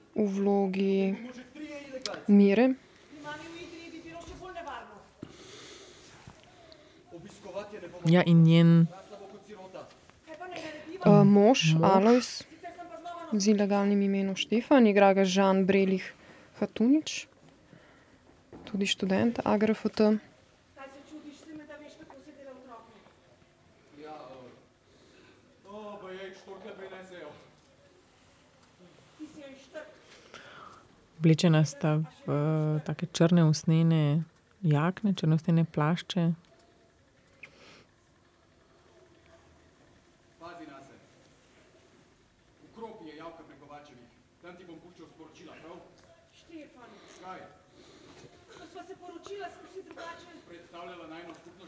Ja, Ja, vlasta Rusija.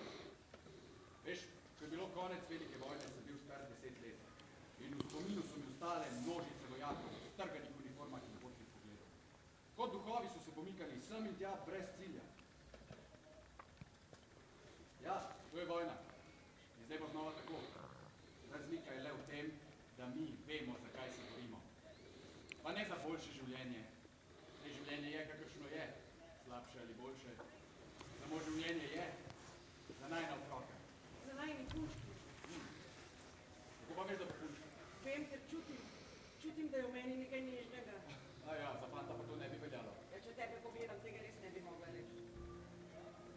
Kakšno ime pa je povedala? Bojevito. Bojana.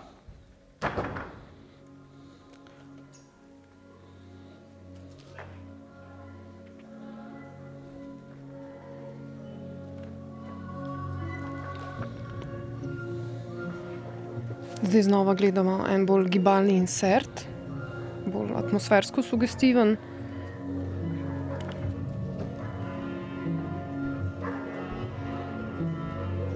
Ja, odr je v taki pol, pol temi, nekako vidimo silhuete.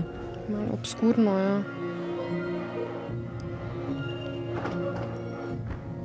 Je pa to časovno še vedno, mislim, da leto 41, pa prej smo bili v Ljubljani, tako da Ja.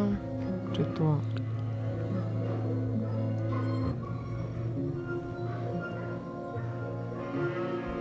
Vidimo, kaj dva, štiri. Pri mizi pa sta še zmeri dva,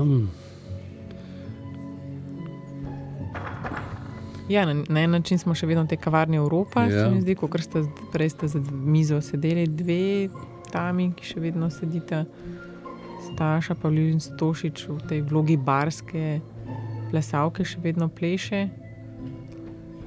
In tudi štirje fantje hlačah in zgoraj bles plešajo. eden zdaj pleza gor na portal odra. Ja, prav visok. Nič škrlec, seveda. Ja, nek škrlc je splezal prav po, neka, po nekem tem uh, Drogu. po drogu, prav 4-5 metrov visok. Zdaj se spušča po tem drogu, počasi povzi dol. Kot da bi visel na nekem takem jamboru ali pa Če se nikdar ne vrnem, to se je še vrnil iz pekla. Upam, da boste Mela in Nastja preživeli, da jo boste lahko objeli na mesto mene. Vaš Leon.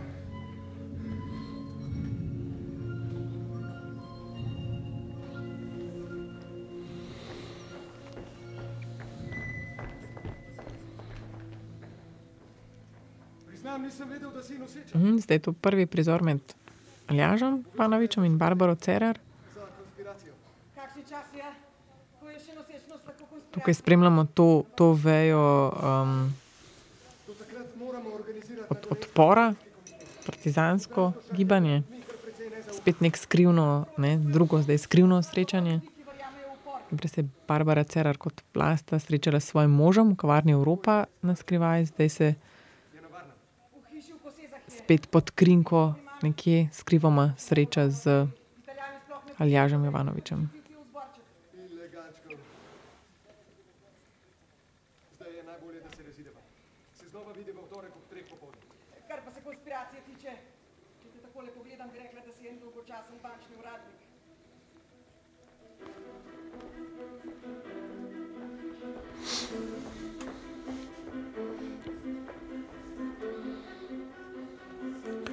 Lokacija nekje, neznana lokacija nekje na Gorenskem, je bil napis, ki ga je prinesel Marko Mandič.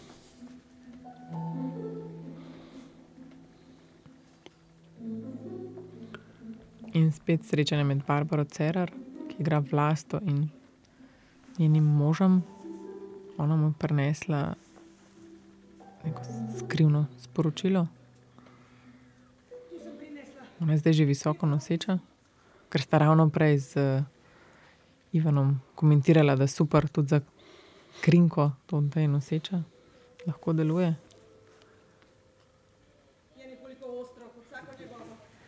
Zanimivo je tudi to, kako v bistvu Ivica Buljan angažira igralce in igralke mimo neke biološke ne, determiniranosti. Recimo, tle med njima je v neki uh, dokumentarnem zapisu, nista ravno sovrstnika, ampak neke podobne generacije, medtem ko on v bistvu uh, v zasedbo da študenta in zrelo, ne, v bistvu igralko.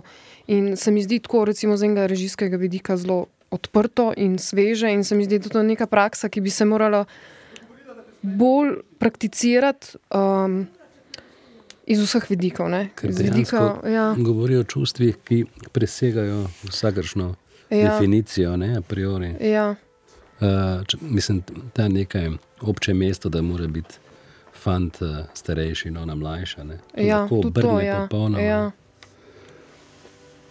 Ja, se v bistvu vse pare, se mi zdi, če pogledamo za nazaj, so v bistvu fanti pretežno mlajši. ja.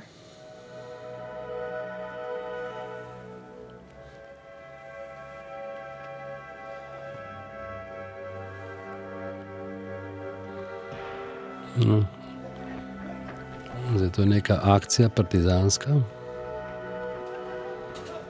Ja, osvetljen je nekako samo, kaj pa ste nekaj en meter od tal, nek pas svetlobe. Um, zadnja stena je samo nek meter v Mhm. višino osvetljena. In, Neka stilizacija frontne linije. ja, gost, partizani. Imamo skupino nekih štir, petih, šestih fantov, partizanov.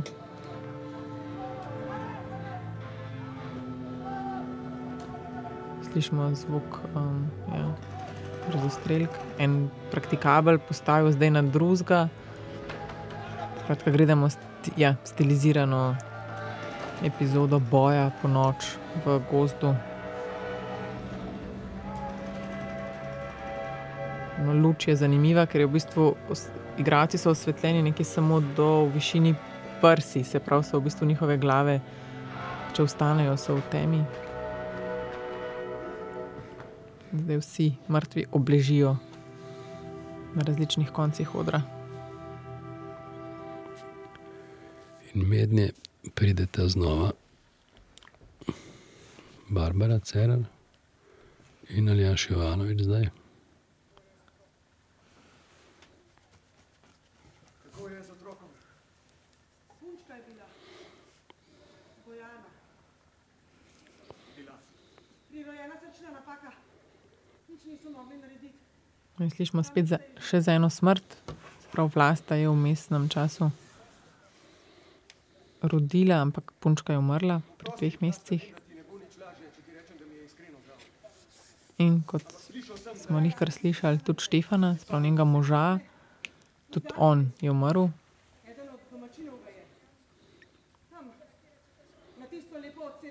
Padel je v zasedo. Prišla je cela četa švabov in ga prerešetala. Švabi se niso niti toliko potrudili, da bi se prepričali, če je To so res neki taki časi, v bistvu, ne, da na, danes, če gledamo, neki ne- ne- nedoumljivi. Mislim, ljudi izginjajo, ljudi od, odvedejo od doma, ne, umrljivost otrok. eh, In tudi se mi zdi z tega vidika, sicer za, za ta tekst, dramski tekst, velja, da je nekako eh, na pol dokumentaren. Ne.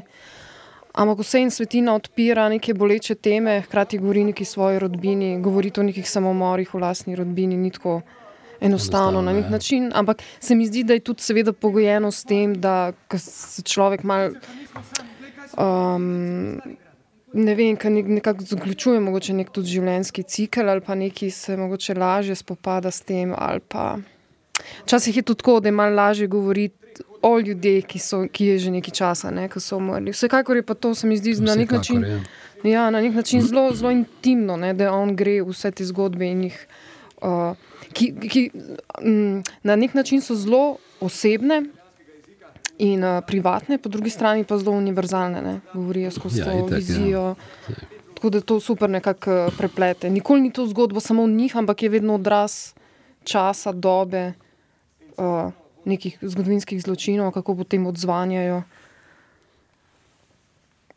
Zelo hitro bi lahko to padlo v neko ne vem, privatno osebno zgodbo, ki bi nas lahko zanimala, lahko pa tudi ne. Tudi ne. ne, Tle pa ja, v bistvu saj- vse čas drži neko kolektivno nezavest. Tako je. Veličasten zbor je bil. Peter in Krištof sta imela krasna govora. Vem, da ga je matrala dolgo časa ta zgodba, ne, da bi jo napisal. Pa, Mhm. pa jo je, vendarle je. Ja. In super je.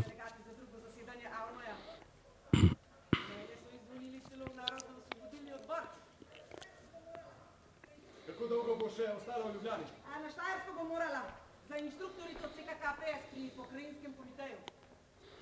Si ga je obiskala nasto? Ja, ja. Čeprav je zdaj, ko so povsod Nemci, še bolj nevarno. Kako je, je zdrava? Se me sploh ni prepoznala. Ko me je zagledala, je planila v jok in se skrila. Ne moreš si predstavljati, kako sem se počutila. Hipi najraje rekla, k vragu vse. To je moja hči, jaz njena mama, to je moje poslanstvo, ne pa ta umorija. Vlasta, vlasta, zdaj reagiraš čustveno. Je Zdaj to gledamo, smo v letu nekje 1943, se pravi. Um, začeli smo pa zgodbo, prvo epizodo, ko smo gledali, je pa bila, kako smo že 1892 Ja. ali nekje se mi zdi, da je bila Tako je, prva letnica. Tako je. Se pravi, zdaj že spremljamo, kaj tako 40, pet- nekih več kot 50 let smo že v bistvu. Uh, Zdaj smo pa že v letu 1945, Ne, Marko Mandič. proti koncu vojne, neznana lokacija znova, drži napis v rokah, nekje na Partizanskem piše. Ozemlju.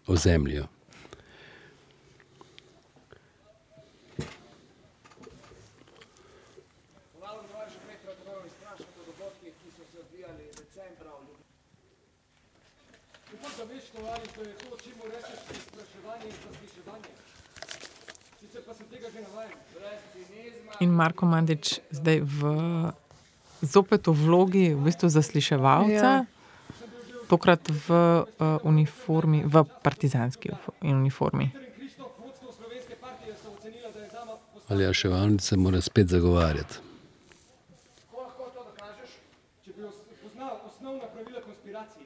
Tako da v bistvu smo že imeli en tak prizor, ne, nedavno, se pravi, če se spomnimo, ta filmski prizor, kjer je Marko Mandič bil oblečen v, v te neke široke črne hlače, v belo srajco in je v bistvu s- svetilko svetu obraz Aljažu Jovanoviču. Tukaj zdaj v drugačni vlogi, v drugi vlogi, ampak in spet ima v roki ta Čopič. ta čopič, v katerem je v prejšnjem prizoru zasliševalca narisal brke sep. Tak nek detajl, tukaj pa vprašanje zdaj, kaj bo s tem čopičem naredil. Ampak oba dva imata partizanske čepice. Titovke, ne? Aha. Zdaj je risal po Aljažu s tem čopičem, čopič je padel. Se lahko razume, da sem imel veze z gestapom. Sam si rekel. Ja? Sam si rekel, se lahko razume. Jaz čisto takega nisem rekel. Tudi če se nočeš več pogovarjati, z To ni mano. pogovor, tovariš, to je zasliševanje. Dobro, samo še na eno vprašanje mi odgovori. Kako se je lahko zgodilo, da, da je takoj potem, ko ste odšel iz Ljubljane, navarno prišlo do provale? Polovili so vse pomembne člane organizacije, zasegli arhiv, če tudi naj bi bil varno shranjen, v kleti prikladen. Ja, Ivo je na zaslišanju, ker očitno je prišlo do izdaje in zdaj se tukaj preverja, kdo je, kako je do tega prišlo, kdo je za to odgovoren. Dvigam. Še nadalje uničeval vse dokumente. A na koncu bi me gestapo vendarle ujel, aretiral, zasliševal, mučil, ubil.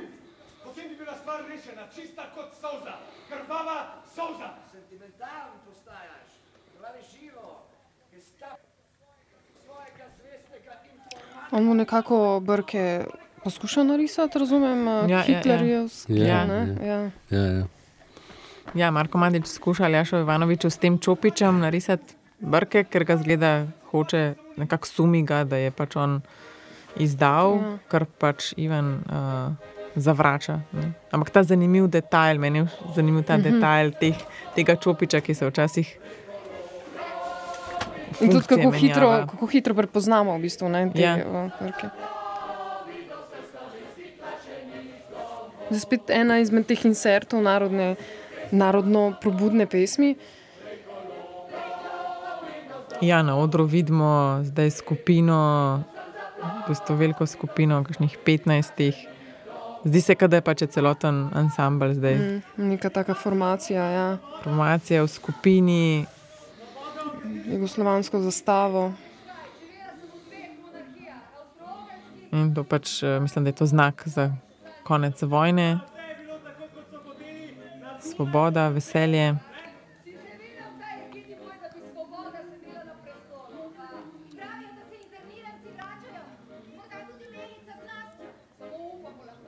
In spredaj pred, pred skupino, skratka, v prvi vrsti stoji Pija Zemljič, kot mama, zraven nje pa Hčerka. in njen mož. Ja. Tako da spremljamo v bistvu pogovor, prizor med njimi, pričakujejo, kdo se bo zdaj vrnil, če bo mogoče prišla še hčerka. In spet gre za tako stilizirano sliko, ker vsi ostali pa stojijo in mahajo.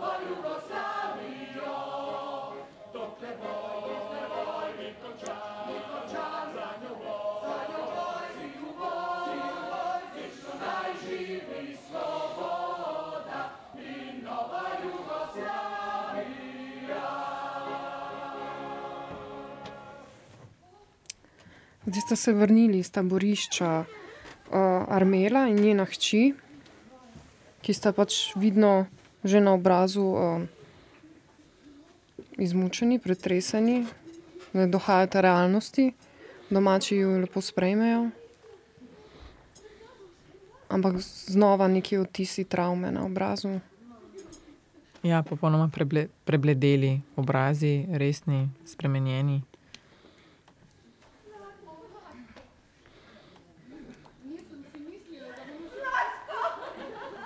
In spet ta podobna situacija, kot smo jo že videli, ta veselje družine, ob, ko se vrnejo družinski člani, Ja, in pa in- ta Odsotnost tistih, ki so se vrnili. Ja.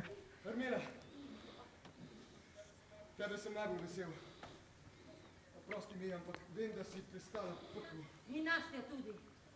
Samo nekaj mesecev so mi pustili, da je bila z mano, da sem jo lahko dojila, čeprav Zdaj, ko gledamo ta prizor, je tudi luč spremenjena. Ne? Zdaj, ko sta one dve se vrnile, je luč v bistvu se zatemnila, če je bil prej cel odr razsvetljen in bel. Vse je zdaj nekaj zeleno, Ja. Ta zelena, ja, taka. olivno zeleno. ne vem. In družina je v prvem planu, govori, zadaj pa še zmeri ta skupina vseh teh veselih um, 15,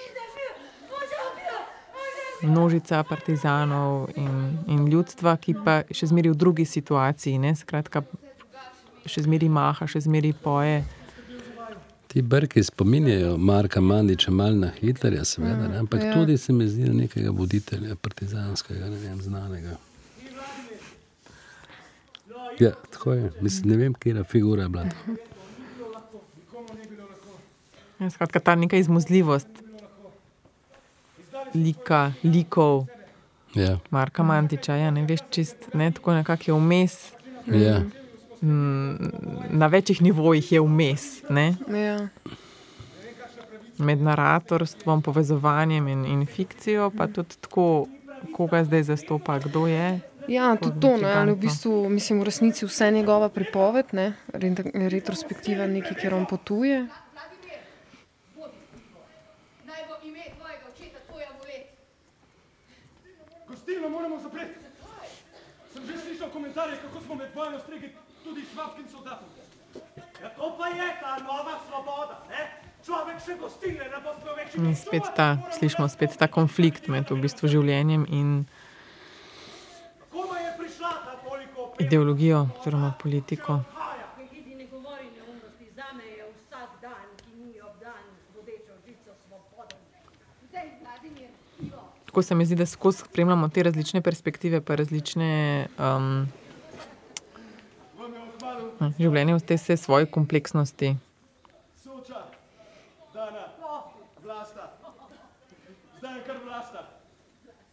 Njen mož je padel 42. Ima pa hčerko, skoraj toliko je stara kot Nastja. In Aljaš Jovanovič, se pravi um. Ivan, tudi zdaj družini, bo predstavil svojo novo partnerko. Ki pa je vlasta, ki jo igra Barbara Cerar.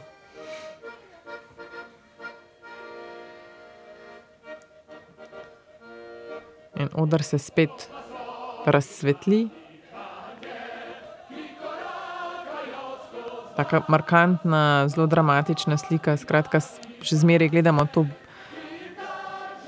to belo galerijsko steno, tako dramatično osvetljeno, z vrha navzdol, tako da meče tudi take pomenljive sence. In spredaj skupina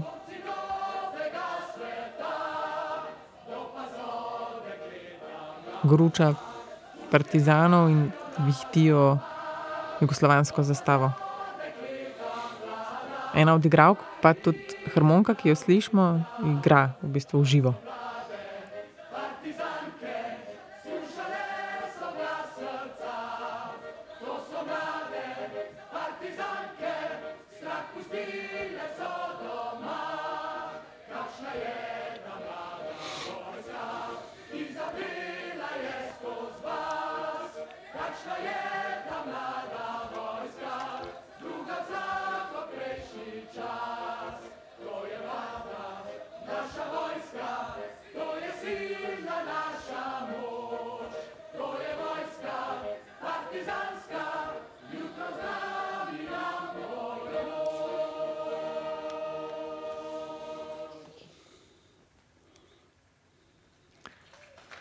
In pavza, konec prvega dela.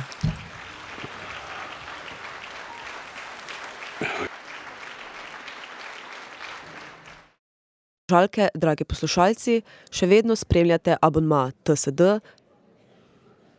V seriji Abonma TSD spremljamo in komentiramo predstave devetinštiridesetega tedna slovenske drame.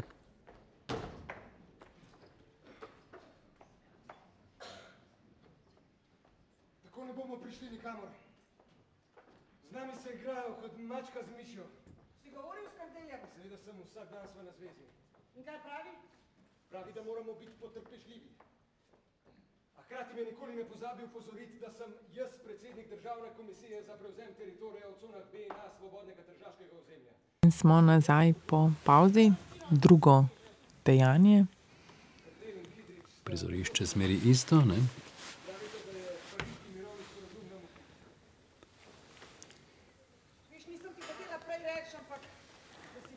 Ja, na odru še vedno gledamo to, veliko, visoko steno, to galerijsko predimenzionirano platno. Aljaž Jovanovič in Barbara Cerar diskutirata o situaciji, ki je nastala po vojni, s Trstom, recimo. Glej, Vlasta, na sicer miren način moramo dobiti nazaj Trst. Tudi to je del naše revolucije. Borba za. Trst.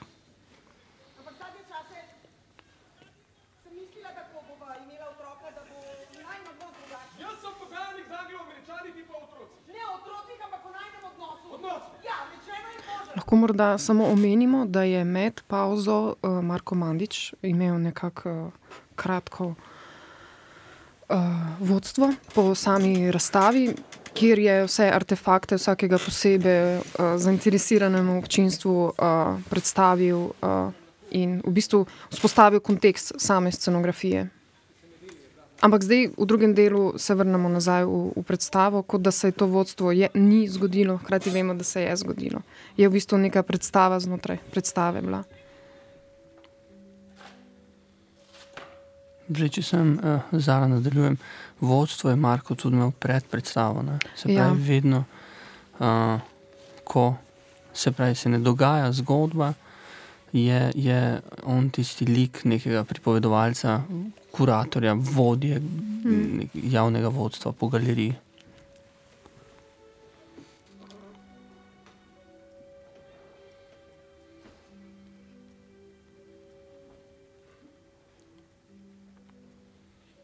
Ki seveda Mandiću še dodatno uh, vlogo ne, poda. Tako da v bistvu vidimo, da je res razplastena ta njegova funkcija v tej predstavi.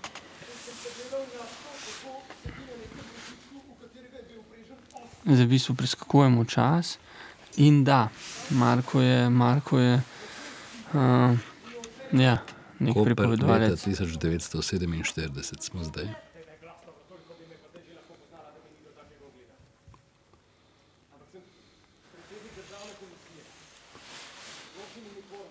Ja, ta lev, lev praktikabel, zdaj, ki smo ga videli že večkrat, je bil to mrliški, mrliški odr, miza, zdaj predstavlja um, Posteljo. zakonsko posteljo. Ja.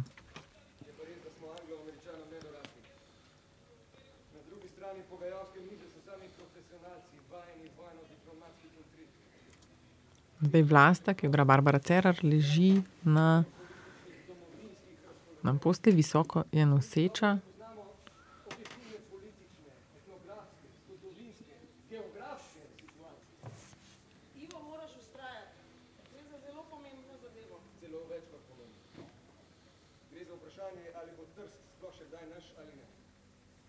Se pravi, zgodba pa se še vedno pogovor o trstu in se, se nadaljuje.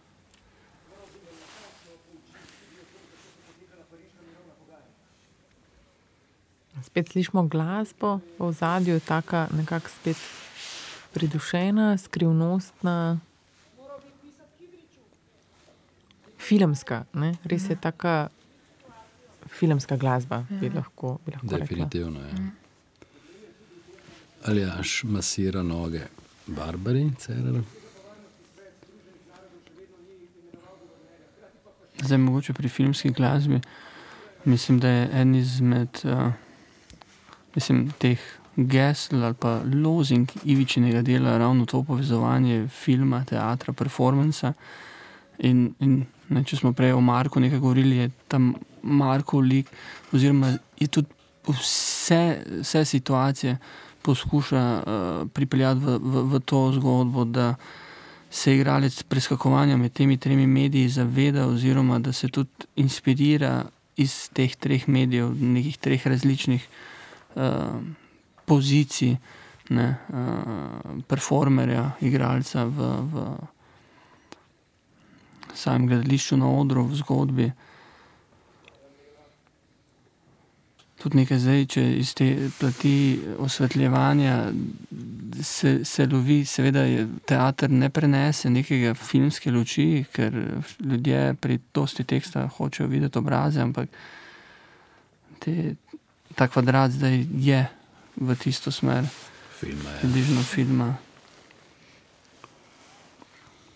Se pravi, spet je Marko na odru in, in sestra. Kot filmska luč, misliš? Um, Kot, kot kader, pravzaprav. Ne? Ja, aha, kot, ta, kot zamejitev ali jakost ali neka specifična estetika. ali kaj kot, kot, to- eh, ja, kot, kot, mislim, zdaj pri svetlobi, kot eh, oboje. Ja. Eno, eno je seveda to v, v smislu tega, uh, prej sem govoril, Ivičine, neke uh, režijske, gledališke estetike in koncepta. Uh, druga pa pri tem, da če pogledam pač naše sodelovanje že vseh teh desetih letih, da se konstantno o tem debatira, to pogovarja in na nek način smo pri svetlobi na momente že kdaj pri tem, da, da bi šli v čisto filmsko zgodbo, kjer vem, bi lahko skril obraze ali pa.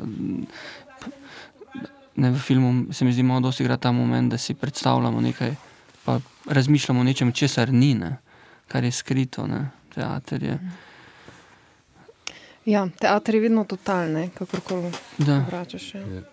Ampak recimo jaz bi imela eno vprašanje za vas kot uh, selektorja. Recimo, koliko pa je bilo v sezoni enih, mislim, predstav, ki so tako ali drugače reflektirale ali zgodovino, uh, recimo našo lastno, ali pa tudi neki, koliko je bilo recimo teh nekih političnih tem. A je neka, te, po eni strani se mi zdi, da imamo občutek, da je totalen porast tega, pa pa malo pogledaš, pa v bistvu vidiš, da mogoče niti ni. Ne, tako, Kakšne- mislim, ta je bila, ta je zaobjela celoten del, ne, do osamosvojitve, ne, Mm. če gledamo zgodovinsko, ampak je, se mi zdi, da smo imeli visoško kroniko, ki je segla v dalj, dalj, daljno preteklost, in, ampak tudi na nek način opredeljevala naš slovenski narod. Ne. Ampak eh, še, šest, predstava šest, pa ga opredeljuje zdaj in danes. Ne. Mm. v neko, z neko drugačno in posebno ostrino, kritično ostrino. Ne. Torej, če, sme, če ta, ta predstava, ki jo zdaj gledamo, konča pri osamosvojitvi, ne, je 25 let po tej osamosvojitvi nek nov zgodovinski trenutek in čas, kjer je slovenski človek upet v neko evropsko širše eh, razumevanje drugega kot sovražnika. Mm. Med drugim. Uh,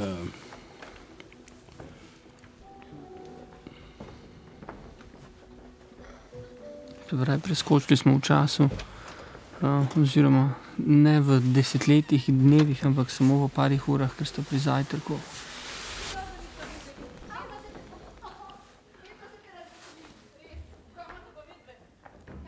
Zdaj glasba, mislim, da napoveduje novo sceno.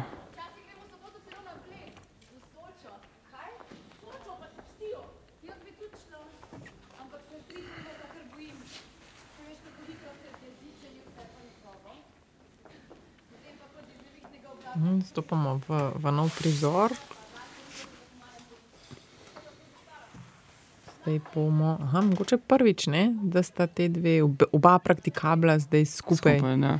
Skupaj in tvorita eno tako veliko mizo. Kravci okrog pripravljajo stole.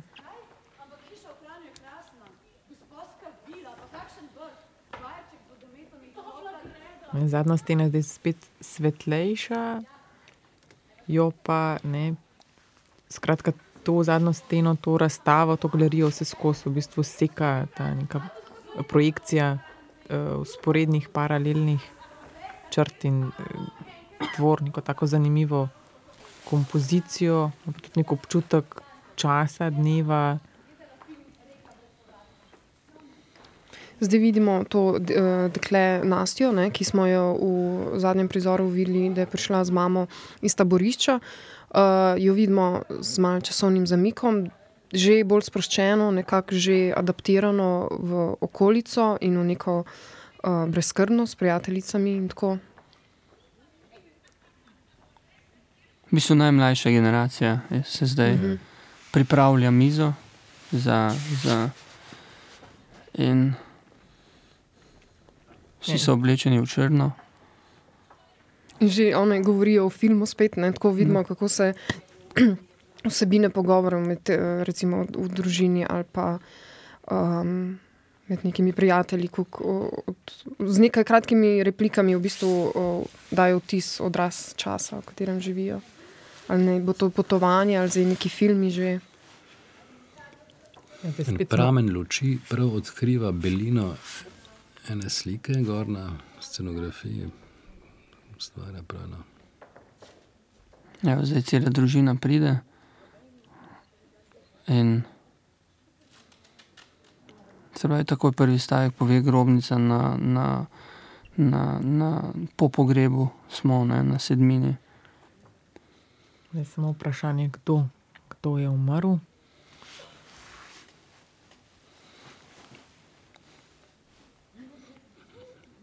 Smo pa spet v Žirovnici, leta 58.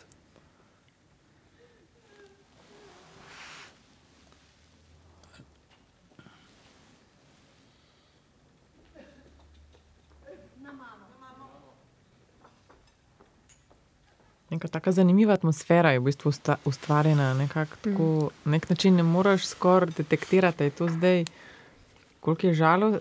Ne, različno, v različnih čustvenih stanjih vidimo, nekateri so na robu joka, nekateri, v bistvu sploh mlajša generacija, nekako ne, vesela, brezskrbna. Um,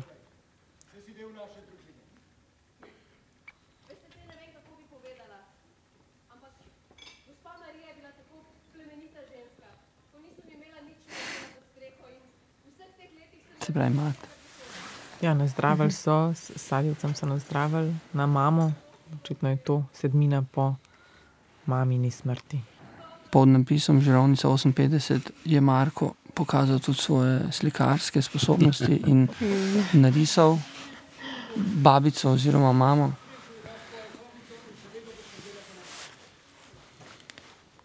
ki so jo komaj pokopali.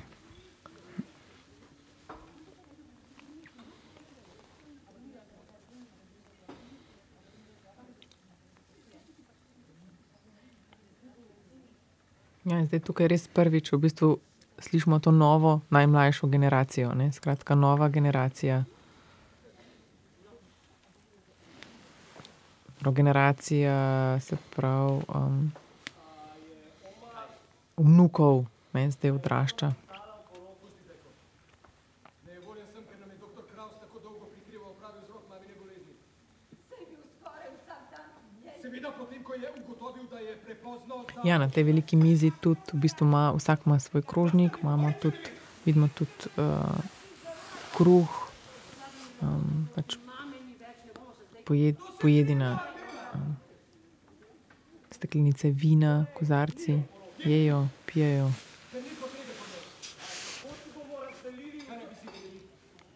Vse, kar imamo, je naše. Ampak vsaka stvar mora imeti lastnika. Kar se lastnine tiče, ne gibi. Odgovornejšimi tovariši sem moral govoriti, da ni bila naša hiša nacionalizirana. Ker so neki partijci na ljudskem odboru razmišljali, da bi morala biti gostilna zdaj del ljudske lastnine, čeprav te In kot že večkrat smo videli, spet je tukaj v bistvu, ne, zgleda, da bo to eskaliralo v intenziven prepir. Namreč na eni strani imamo um, Ivana in na drugi strani um, moža, njegove najmlajše sestre, ki v bistvu začenja uh, pogovor o oporoki. Ne? Oporoka je ni, kar spet gradi neke tenzije med. Um, Ta prepir ima začetek v tem, da je Gidi ni predstavnik nekega istega razreda v vasi. E, e, ne, oni so vseeno neka premožnejša družina, gostilničari. Se pravi, da pogovor o dediščini je začel nekdo, ki je priženjen družini in ki so ga mogoče kdaj zviška gledali na, na njegovo družino. Je pa bil ali až zmeri nasproten, ne? Tako. Njemu, da bi bil, da bi prišel v družino. Ne? Ne.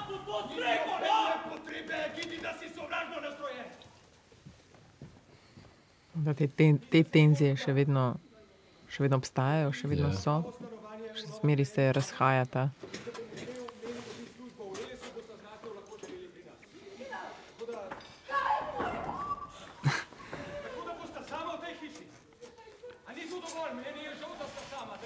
Ampak nekaj tako je ena, neka s- stereotipna situacija, ena družinska. Ja, to, če jo primerjamo z vsemi smrtmi prej, ki jih je kar nekaj, ne, v bistvu kako so obravnavane, ali kako hitro se včasih tudi presežejo. Ne, je tle prvič ta moment sedmine, neke hrane, Ja. že malo izobilja na nek način. Ne. Neka evolucija ja, pogrebov ali pa teh Ne. rit, ritualov. Tudi neke take, ne vem, zdaj sem se spomnila, ja, pač, kako je tudi ja, sama, um, samo razumevanje smrti ali pa tega procesa, nekega poslavljanja ali pa tako, ali pa tudi neke, uh, recimo, to je malo digresija, ampak včasih se spomnim, recimo, kakšni ljudkovni predstavi, ki za otroke, je recimo tam neka truga in se potem krsta in se vprašam, koliko otroci sploh poznajo še krsto. Ne? Če so se že Če v bistvu niso, ja, oziroma a je to dovolj za nek arhetip ali, ali ne. In tudi tle se mi zdi, da grejo te smrti od ja, zelo. Barbara Cerar kot taka bolj groba bor, borka ne, in tak lik ima kot čelado na glavi. Ne. Tak klobuk smešen. Bo.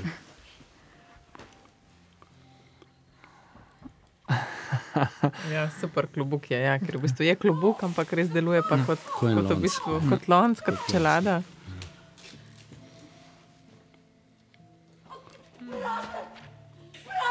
Ja, mislim, zgodba, če zdaj izza, izza, izza odra oziroma za odrom je ena, en, en poseben per, kostumski performance, ki se dogaja. Uh, se pravi, v bistvu, če razkrijemo za to steno Irvinovsko, je v bistvu eh, cel dru, druga polovica odra, velikega odra Ljubljanske drame, je, je eh, kostumska, je garderoba, mm. kjer se preoblačijo. In teh je, mislim, da je ne vem, nekih 140, ne vem, ena, ena blazna številka kostumov, Ana je naredila eno dobro. Ja. Kolekcijo. genialno. kolekcijo. To je bilo zanimivo snemati od zadaj. Ja. pa da bi bil- lahko del publike, ki mogoče izza odrja lahko Ja. pač spremlja to. Ja, tržna Ne? niša, zakaj Ja. ne? ne? Ne, ker je res fantastično, kako v bistvu, ne, zdaj smo že 1959, skratka 60, ne, 70 let, v bistvu že spremljamo in kako s temi slikovitimi, hitrimi menjavami, filmskimi, ne, v bistvu kakšno veliko vlogo ima res tukaj Kostum. Kostum, ja. kostum, kako pomaga premakniti v bistvu v času, v katerem obdobju smo, pa tudi kako se status posameznega človeka spremenja. Ne, tako, in ker gre to tako hitro, ne, se pravi, v parih urah spremljam 70 let, res je ta vem, fantastičen občutek, lahko zaobjamem ne, neko spremembo, nek, nek čas. Ja, pa tudi sam način igre, oziroma drža, ki jo kostum. Če se spomnimo na čisto na začetku, kjer imajo Mhm. korzete, pa neka krila, ne, v bistvu so bolj zapeti, ali pa tudi dostojanstveni bolj. Ne. Čisto samo telo, ne, fiziološko, kako se obnaša. Medtem ko tle smo že kar v dosti svobodnih časih, veliko vem, kože se vidi in tako. Ja, in zanimiv je tudi način igre, ne? mogoče, da se malo, če zdaj prav se spomnim začetek, ki je bila res tako zelo ekspresivna, ja. res, pre, ne, res na meji Ja. tega pre, um, pretiravanja. ali Res, se zdaj tudi stil v bistvu igre počasi se malo mogoče spreminja. Ne? Ali se mi sam tako zdi? Ne, ne, a, ja, je, ne. absolutno. Vse zato je tudi, se mi zdi, da moramo od prvega začetka pre, je dobro prepoznati, da je zelo namerno takrat Mhm. mm -hmm. igra takšna, kakršna je, ker marsikdo bi mogoče lahko pomislil, kako zdaj to igrajo. Ne? Ampak je v bistvu v tem nek notranji komentar. Mm Mhm. -hmm. Ki pa seveda potem mogoče nekateri vidijo šele po nekem času, da se v bistvu razvija kot igre skupaj s časom. Ja, ful zanimiv, Mm. mm. ja, da ni samo zdaj. Ja. Ja, ta svoboda oblačila, seveda, je svoboda govora, svoboda gibanja, svoboda vsega. Ne? Mm. Ampak res to v bistvu natančno vodenje po času, ja, tudi v.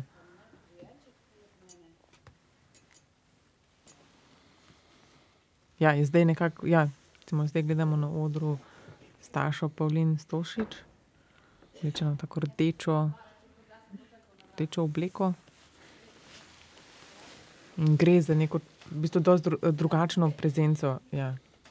Ja, in prvič ima najbrž neko izpoved, eh, spomin iz taborišča. Svoji sestrični, ne, sta Mhm. v nekih študent, dijaških, študentskih sobah. Ne, je situacija zdaj. Zanimivo, da so mnogi, ki so se vračali iz taborišč, šele po mnogih letih ne, uspeli kaj reči o tem. Ne. Celo po 50 let niso uspeli reči nič, ne iz sramune. Ja, in tudi potem problem tega, kar sem prej tudi omenila, vedenje, ki se uprizarja.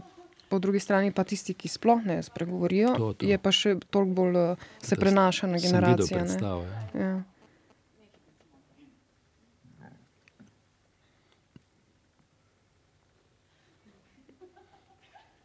Sicer je pa Tatjana tudi sirota, celo nezakonska. Pri Bog, da bi naredil sem umor. Okay, ja, če govorimo o vseh teh spremembah, ne, kako se v bistvu spremenjajo kostumi, grejo s časom, Barve, ja. barve način igre, scenografija, ne, sprav ta razstava pa ostaja. Ostaja, ja. V bistvu od začetka ne, do konca stoji, spremlja, gleda. No, to je super luč. ne. To je kot da bi gledal film tistega časa. Ne? E, Mislim, da je postavljen v 60-ih, vsi Mm. konc 50-ih let. Ne? Hvala, hvala za kompliment.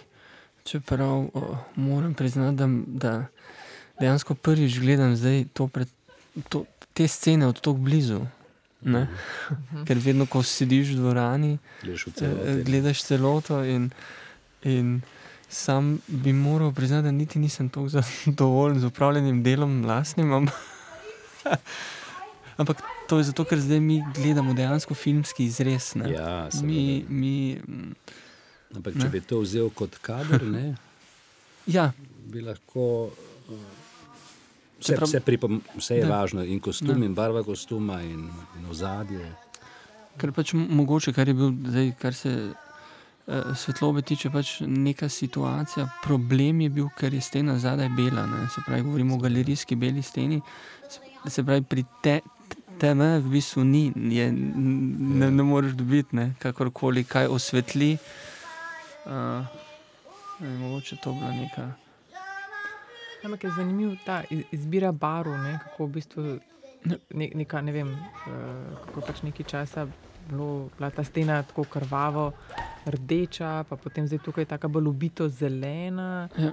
Tako, tak zanim, kako to vpliva na. V bistvu, v bistvu so neke voj, partizanska situacija je, bila v zelenih tonih, uh, zdaj smo v, v 201, v nekih hladnih tonih, nadaljujemo. Uh, pred, uh, se pravi, prva svetovna vojna pa je v, v rdečih tonih. ne. Pa tudi zanimivo učinkujejo te v bistvu prečne, prečne linije svetlobe, kako, kako v bistvu Da. gradijo neko drugo um, dinamiko v, zve, v povezavi pač z galeri, galerijo. Ne? Ja. Super. eh, Barbara zdaj pa svoj performance. Tako. Genialno je to. In, in, in tukaj, tak, ko ste zdaj rekli, performance, ne, ja, ne, to je dejansko nek, nek preskok, mislim. Ja, kaj. ja.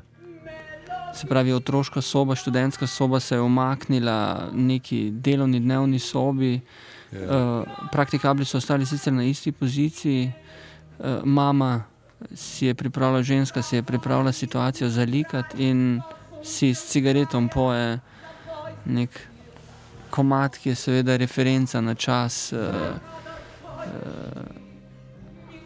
Tudi to, sama akcija likanja. Skozi karakter, ki ga ima Da. vse čas. Ne.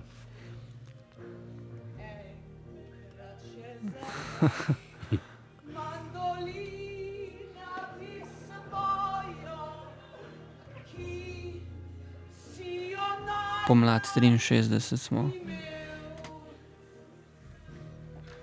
Se pravi, uh, herojinja druge svetovne vojne, eh, lika Ja. in rahlo pijana. Eh, Se sprosti se, doma, Se ne. sprosti doma, ja. Ne, ne tipična uh, ja, situacija. Mhm. gospodinje. Čeprav vidimo razvoj že prej dve dijakini študentki, pa zdaj ona, kako se vloga tudi ženske ne, spreminja Ja. počasi. Ampak Ja. tako zelo se mi zdi senzibilno ne, in narejen skozi predstavo, brez nekega podčrtovanja, ampak čist pojav sam po sebi.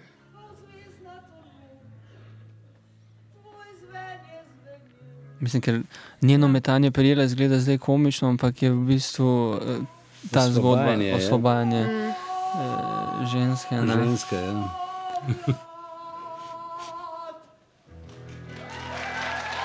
Ja, res, ja, res fascinanten lik ta občutek časa, ki ga lahko zdaj tukaj gledamo, ne v živo, pač pred nami, ker seveda spet drugače, če bi gledali film, ker vsem gledališče, vse je tukaj vse nekako to v živo. Ta sprememba še tako drugače učinkuje, se mi zdi še nekako bolj je prezentna, ali se mi se še nekako bolj opazam ali, ali čutim. Tako, ja.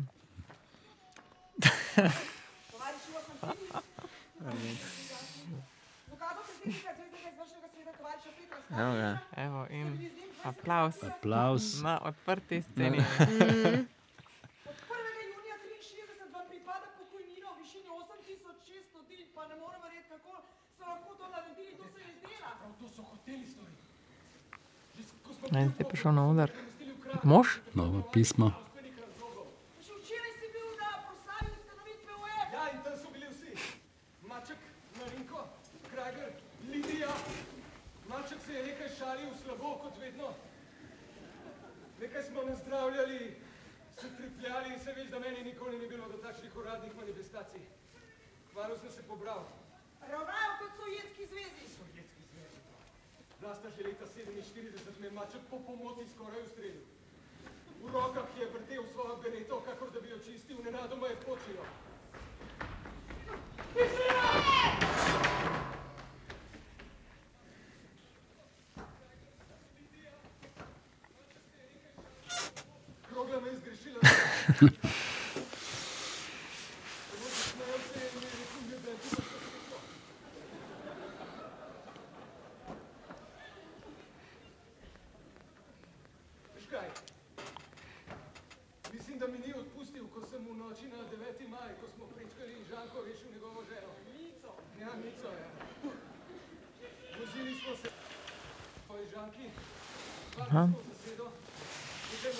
Nekaj se je izkodal.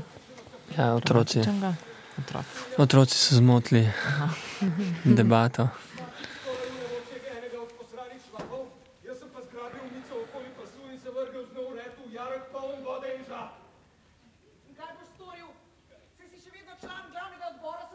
pasu in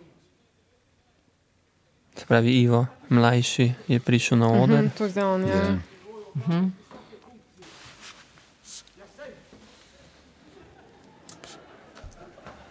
Hoče, hoče od, naj, hoče naj Sprav, Ivo mlajši, ki pa je zdaj avtor.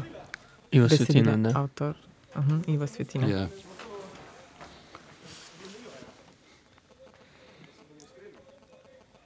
Nehaj, Ivo, ne govori tako. Enega moža sem že izgubila, tebe ne dam.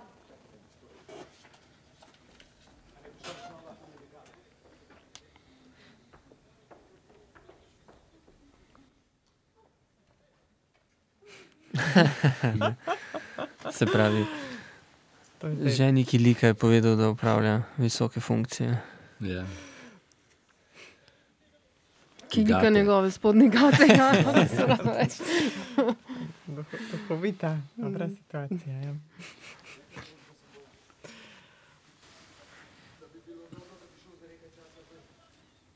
iz Ljubljane.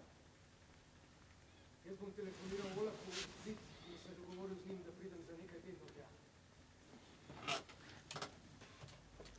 Se pravi, spet sestra. Bo malo polikala.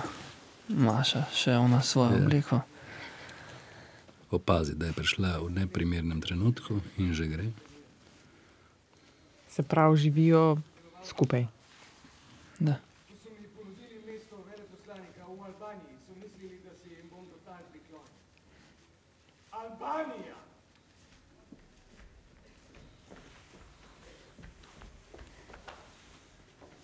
Prav si bom imela. Povedala? No, Ja, kako smo se potem učila? Na skrivaj?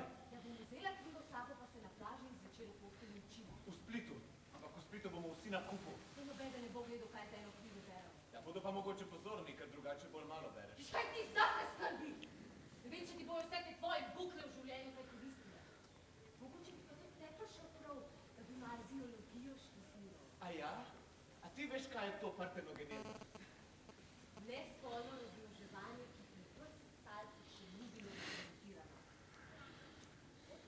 Ekole, spet smo v otroški sobi, še vedno 63. v Ljubljani.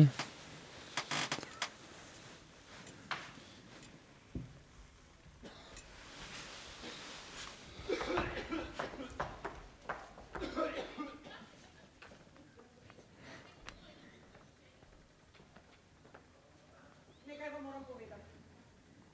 Očeta so čez noč upokojili, zelo več bi zadelo. Ja, Ivica Buljan je v zasedbo res povabil veliko. Ste tudi mlajše, najmlajše generacije? Ne? Ja, v bistvu je to en uh, letnik, uh, Ja. kar uh, številčen. Mislim, da jih je kar mogoče celo deset ali nekaj takšnega. Uh, in so tudi kot letnik zelo zanimivi. Jaz sem gledala dve produkciji, se mi zdi. Uh, in so zelo tako povezani. No? Vsake, vsake toliko časa se zgodi kak letnik, da je res, res povezan, uh, da je tu enakovreden nekako, ne? da nihče ne izstopa ali pa tako. Aha, super, to je pa tudi fina odločitev, da v bistvu mm. povabiš kar celoten letnik. To se mi zdi super. Ja. In, in stvar je bila tudi taka, da tu v samem procesu dela so, so študentje eh, na čisto drugačen način zavrteli energijo cele predstave. Ja, ja, ja. Se Jaz, uh, mislim, z Ivico smo, ni to prva produkcija v Ljubljanski drami, tudi s tako velikim ansamblom, ampak so ti le študentje. Ja, ena, ena, ena, ena posebna, drugačna energija je bila in se mi zdi, da je to tudi uh, v samem procesu prineslo ene, Se je prenesla tudi na ostale. Ne? Da, da. Ja, ampak se mi vseeno zdi, da mora biti tudi eh, režiser, v tem primeru, zelo dovzeten do tega, ker imamo včasih tudi primere, ker režiserji povabijo kakšne študente, pa ne pride do tega. Ne. Se mi zdi, da mora biti tudi, da je on tako odprt, pa dovzeten, oziroma da jim zaupa ne, to, to uh, nekako. V tem primeru zagotovo je bila za njih odlična izkušnja, ne? zna mm. biti tudi včasih slaba izkušnja ne? za študente, ja. da, jim, da jim celo mm. zagreni uh, izkušnja. Ne? Ja, gotovo je pač neka različna pozicija, če si ti kot študent, nekako kot individuum, ali pa če se v neko novo skupino moraš nekako si najti mm. pozicijo, kot pa če tukaj v bistvu stopajo oni kot skupina. V sodelovanju z neko drugo skupino, v resnici. Mm. Mandič, zdaj diskretno, prinaša napis Strunjan, Vila Kozara, Juli 65. Se pravi, mladi Ivo masturbira v branju tekstov, Mandič je pa tudi za samim napisom nakazoval na, na, na falus. Ja, ja. So pa na morju, ne? v kopalkah, Strunjan, Vila Kozara. Mislim, mogoče bi se vrnil sam k tistem, kar si Zala rekla o, o Uh, mislim, da je Ivica dal študentom, kar, oziroma so pomembne in velike vloge. Mm -hmm, no, že, no, že, to, ja. že sam prolog, štart v predstavo, v bistvu prvi samomor je že yeah. ga izvede študent. In se mi zdi, da so stvari odigrali in dali, mislim, ne vse od sebe, ampak tudi eno kvaliteto. In ja, režiser pa mora vedno voditi ta proces v, v neko. Ja, predvsem ta njihova enakovrednost z ostalimi. Ja. Ne, da... Ker enakovrednost dejansko je, oni so. Ne. Ni, ni, ni to samo neko statiranje ali pa ja. neke obrobne manjše vloge. Ja, ali pa da se zgodi, da on, vloge, ja, ja, on sam bil, recimo, ni zdaj neke primerne igralke, igralca, pa bomo nekoga študenta vzeli. Tle je res. Premišljeno. Ja. Ne? Mislim, da je to ena izmed velikih kvalitet Ivice Buljana, izbira vlog kasti. Se mi zdi, da, da je v tem kar mojster. No. Plane, mi pa smo v Strunjanu na morju. Uh, evo, ste to imeli, grejo zdaj vsi na plažo, Maša drgancih pelje.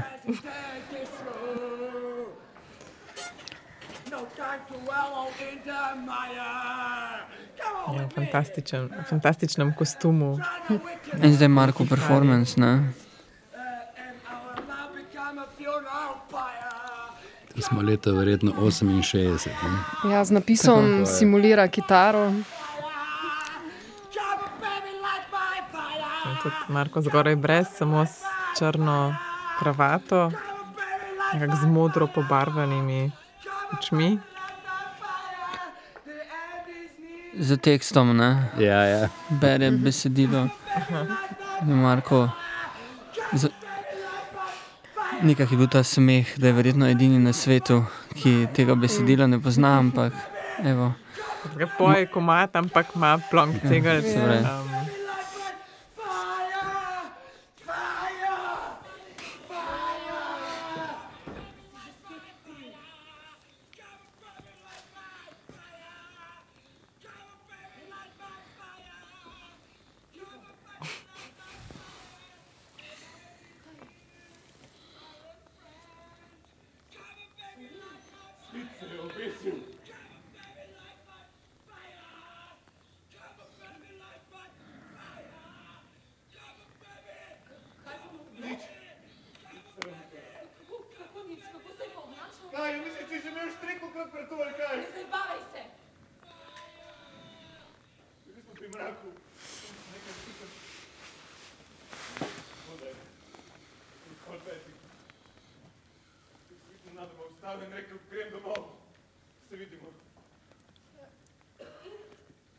zdaj gledamo v bistvu ja, nov par, najmlajši par. Se pravi, Marko je v bistvu napovedoval nov samomor, ki sicer ni družinski samomor, ampak uh, od prijatelja. Kaj? Prijatelja od Ive Svetine. In... Ja, Marko je namreč ta svoj performance zaključil tako, da je kravato, ki jo je imel okrog vratu si zategnil in povlekel do konca. Zategnil zanko do konca. In spet se ponavlja ta element tega živega mrtveca v resnici. Ja. Sveta izjema, star jabolčnik. Zapizda. Sem jaz svi težavega, tako da Skratka, Marko, ki predstavlja tega prijatelja, mrtvega, hod nekako med, med ostalimi igravci. Zdaj tudi tu vsebina že prehaja v čas, ki nam je bliže, ne? omemba šumija, potem najbrž je imel v mislih dramo, ki je rekel. Um, vse bliže se čas približuje našemu.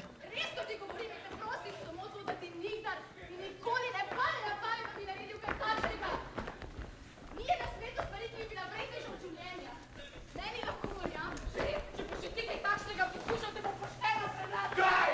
Mogoče pa tole rešitev? Kaj? Vsega se rešiš. Ja. Ne, nikdar več nisi pijan, nikdar več zaljubljen, vseh travnostih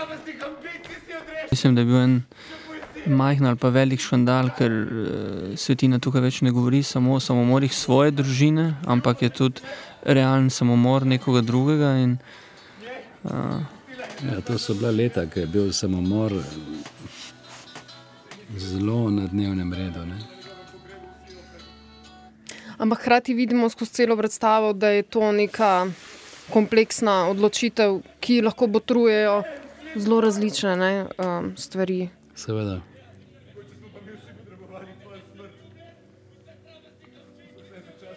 se pravi, če pogledamo zdaj to mlajšo generacijo, vsi so že oblečeni v, v kostumih 69, se pravi, neka, neka hipijevska Ja.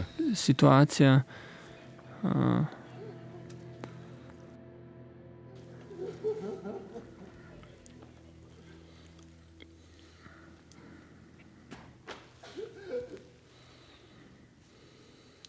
spet ta dialog, Ivo ima dialog v bistvu s tem mrtvim človekom. Res te smrti, kako v bistvu, ne, ker so tako prezentne, pa tako ostanejo, res potencirajo ta občutek tega, kako bremeni, kakšno, ne, kakšna stiska, kakšna teža je na teh, ki ostanejo mrtvimi. Mislim, da so ti, pol ti mrtveci, ki so živi, ki še delujejo v prostoru, da, to, da je to genialna rešitev. Ne? Mislim, da je to odprlo možnosti, fantastične. No? Mislim, da je Ivica to naredil veliko stvari.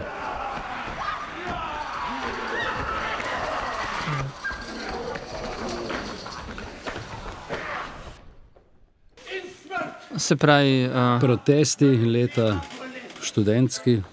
Da, Niti ne.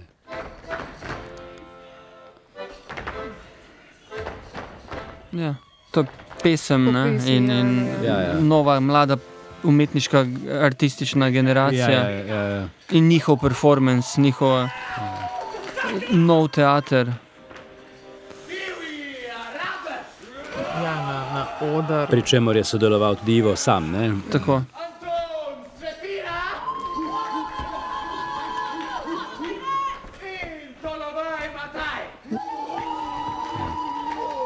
Aha, in tudi zdaj, v bistvu ta osvetlitev zadnje stene, tudi je nekako zdaj v bistvu neko drugo logiko vzpostavlja. Če so prej bile te neke usporedne črte, zdaj v bistvu nekako osvetli posamezne slike, spet neko drugo Ja, ja, tale- grafiko pač vzp- vzpostavil vizualno. Ne? Zdaj tudi nekako Situacija iz rečemo, nekega toka zgodbe. Zdaj mi ne vidimo, sicer, uh, ampak tudi dvorana se je pržgala. Uh, pač to je situacija, ker smo z Ivico iskali eno rešitev, da, na, da, je, da je popolnoma drugačna od, od vsega, kar smo imeli prej. Tako da vidim, da deluje tudi na posnetku. Deluje, deluje. deluje pač tudi tako. Se vidi neka čist druga v bistvu estetika, kako je osvetljena sama ta razstava, kapital, tudi kostumi, to so kostumir, kostumirani, vsi nastopajoči igralci. In to je, če prav razumem, v bistvu cel ta letnik, ne? To so zdaj, Mhm. to je ta Ja. generacija zdaj skupaj. Ki v bistvu igra teater oziroma predstavo, performance tiste generacije. Ne?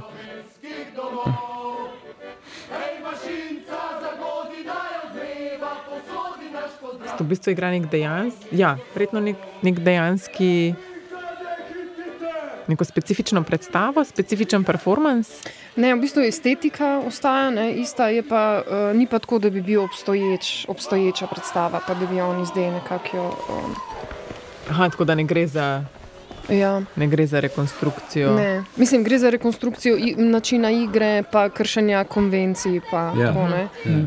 oziroma vnašanje nekih vsebin, ki jih do, prej, do tistega trenutka ni bilo. Jim je. Zdaj spet zanimiv preskok. Ja, prav to dramaturgija teh uh, pesmi ja, je zanimiva, kako se pojavljajo v takih intervalih. Pesmi, eh, apo, slovenska apokalipsa eh, je bila eh, preizpraševanje. Ne? Ta mlada generacija se je preizpraševala zgodovino oziroma vojne svojih staršev. Eno In, beje pa in, to. en, en, en, en, ne.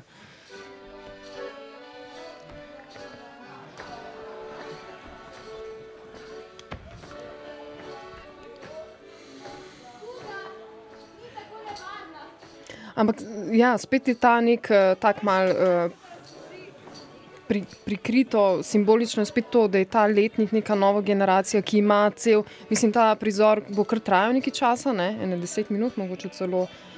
Um, da so res samo oni, dobro, Mandič, ki ima itak neko drugo funkcijo, no, ampak uh, je spet ta njihov glas ne, znotraj, znotraj prizoritve. In seveda to se je poklopilo v bistvu s tisto, kar je pa tudi sami pripovedi. Ne? Se pravi, svetina tukaj opisuje, oziroma je njegova generacija. Ne? E, Tako drugačna.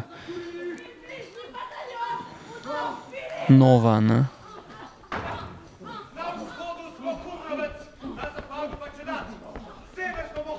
Ne, super, kako se, po, kako se poklopijo v bistvu te, na kakšen način zanimivo res kombinira um, Buljan tukaj dramaturgijo, ja, da pač je nova generacija unga časa in tega. Mm. Ne,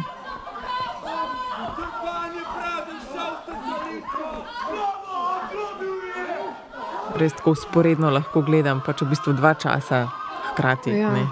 Tistega takrat in tega zdaj.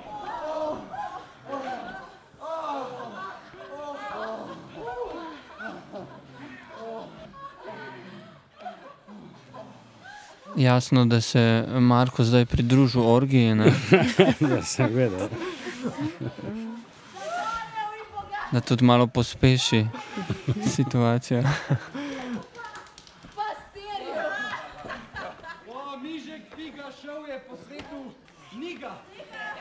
Prodajal lakoto in kupoval palačinke. Smrt ne mudi se predolgo. Slovenci zdravi smo in trdni. Bil je arabec državne žrebce jaka. V Ljubljani je z udom mahal.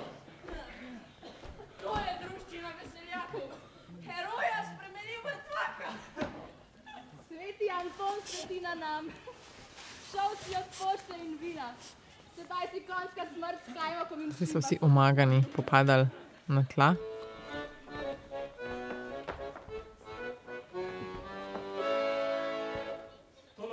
Tolovaji so 25 letnice. V župnišču so razjahali. S polnimi žepi in hlačami so si odlikovanja podeljevali.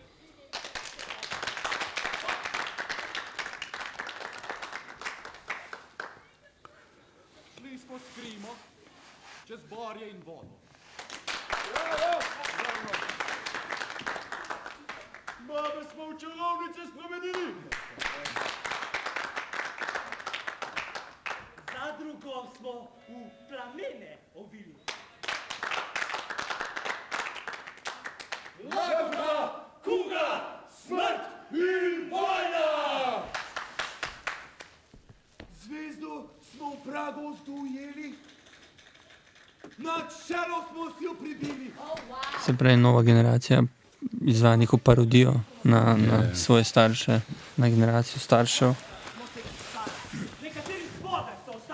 Neka situacija, neke, neke proslave. Češke smo dobali in sabo vžgali, čez goreče vasi in polne postelje, pod kopalnice in na to, da se je vrn. Rostirica koze pase, vižek figa je skola, v medenici med smo našli. Aramec Alamko jaka, Anton še danes mi dobili, Kolovaja so petetali, čez noč smo si poslali. Smokar je hazard! Neke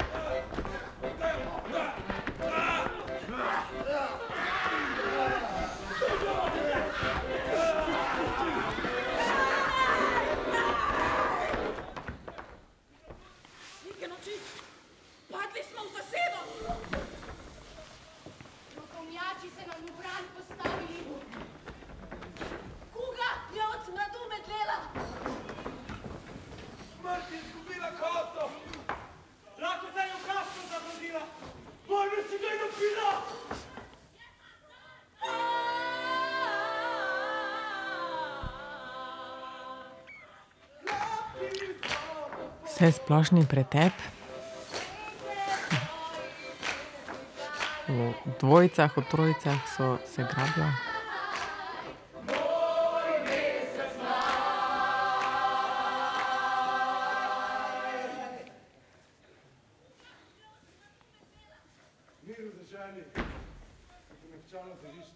Žalke, dragi poslušalci, še vedno spremljate abonma TSD,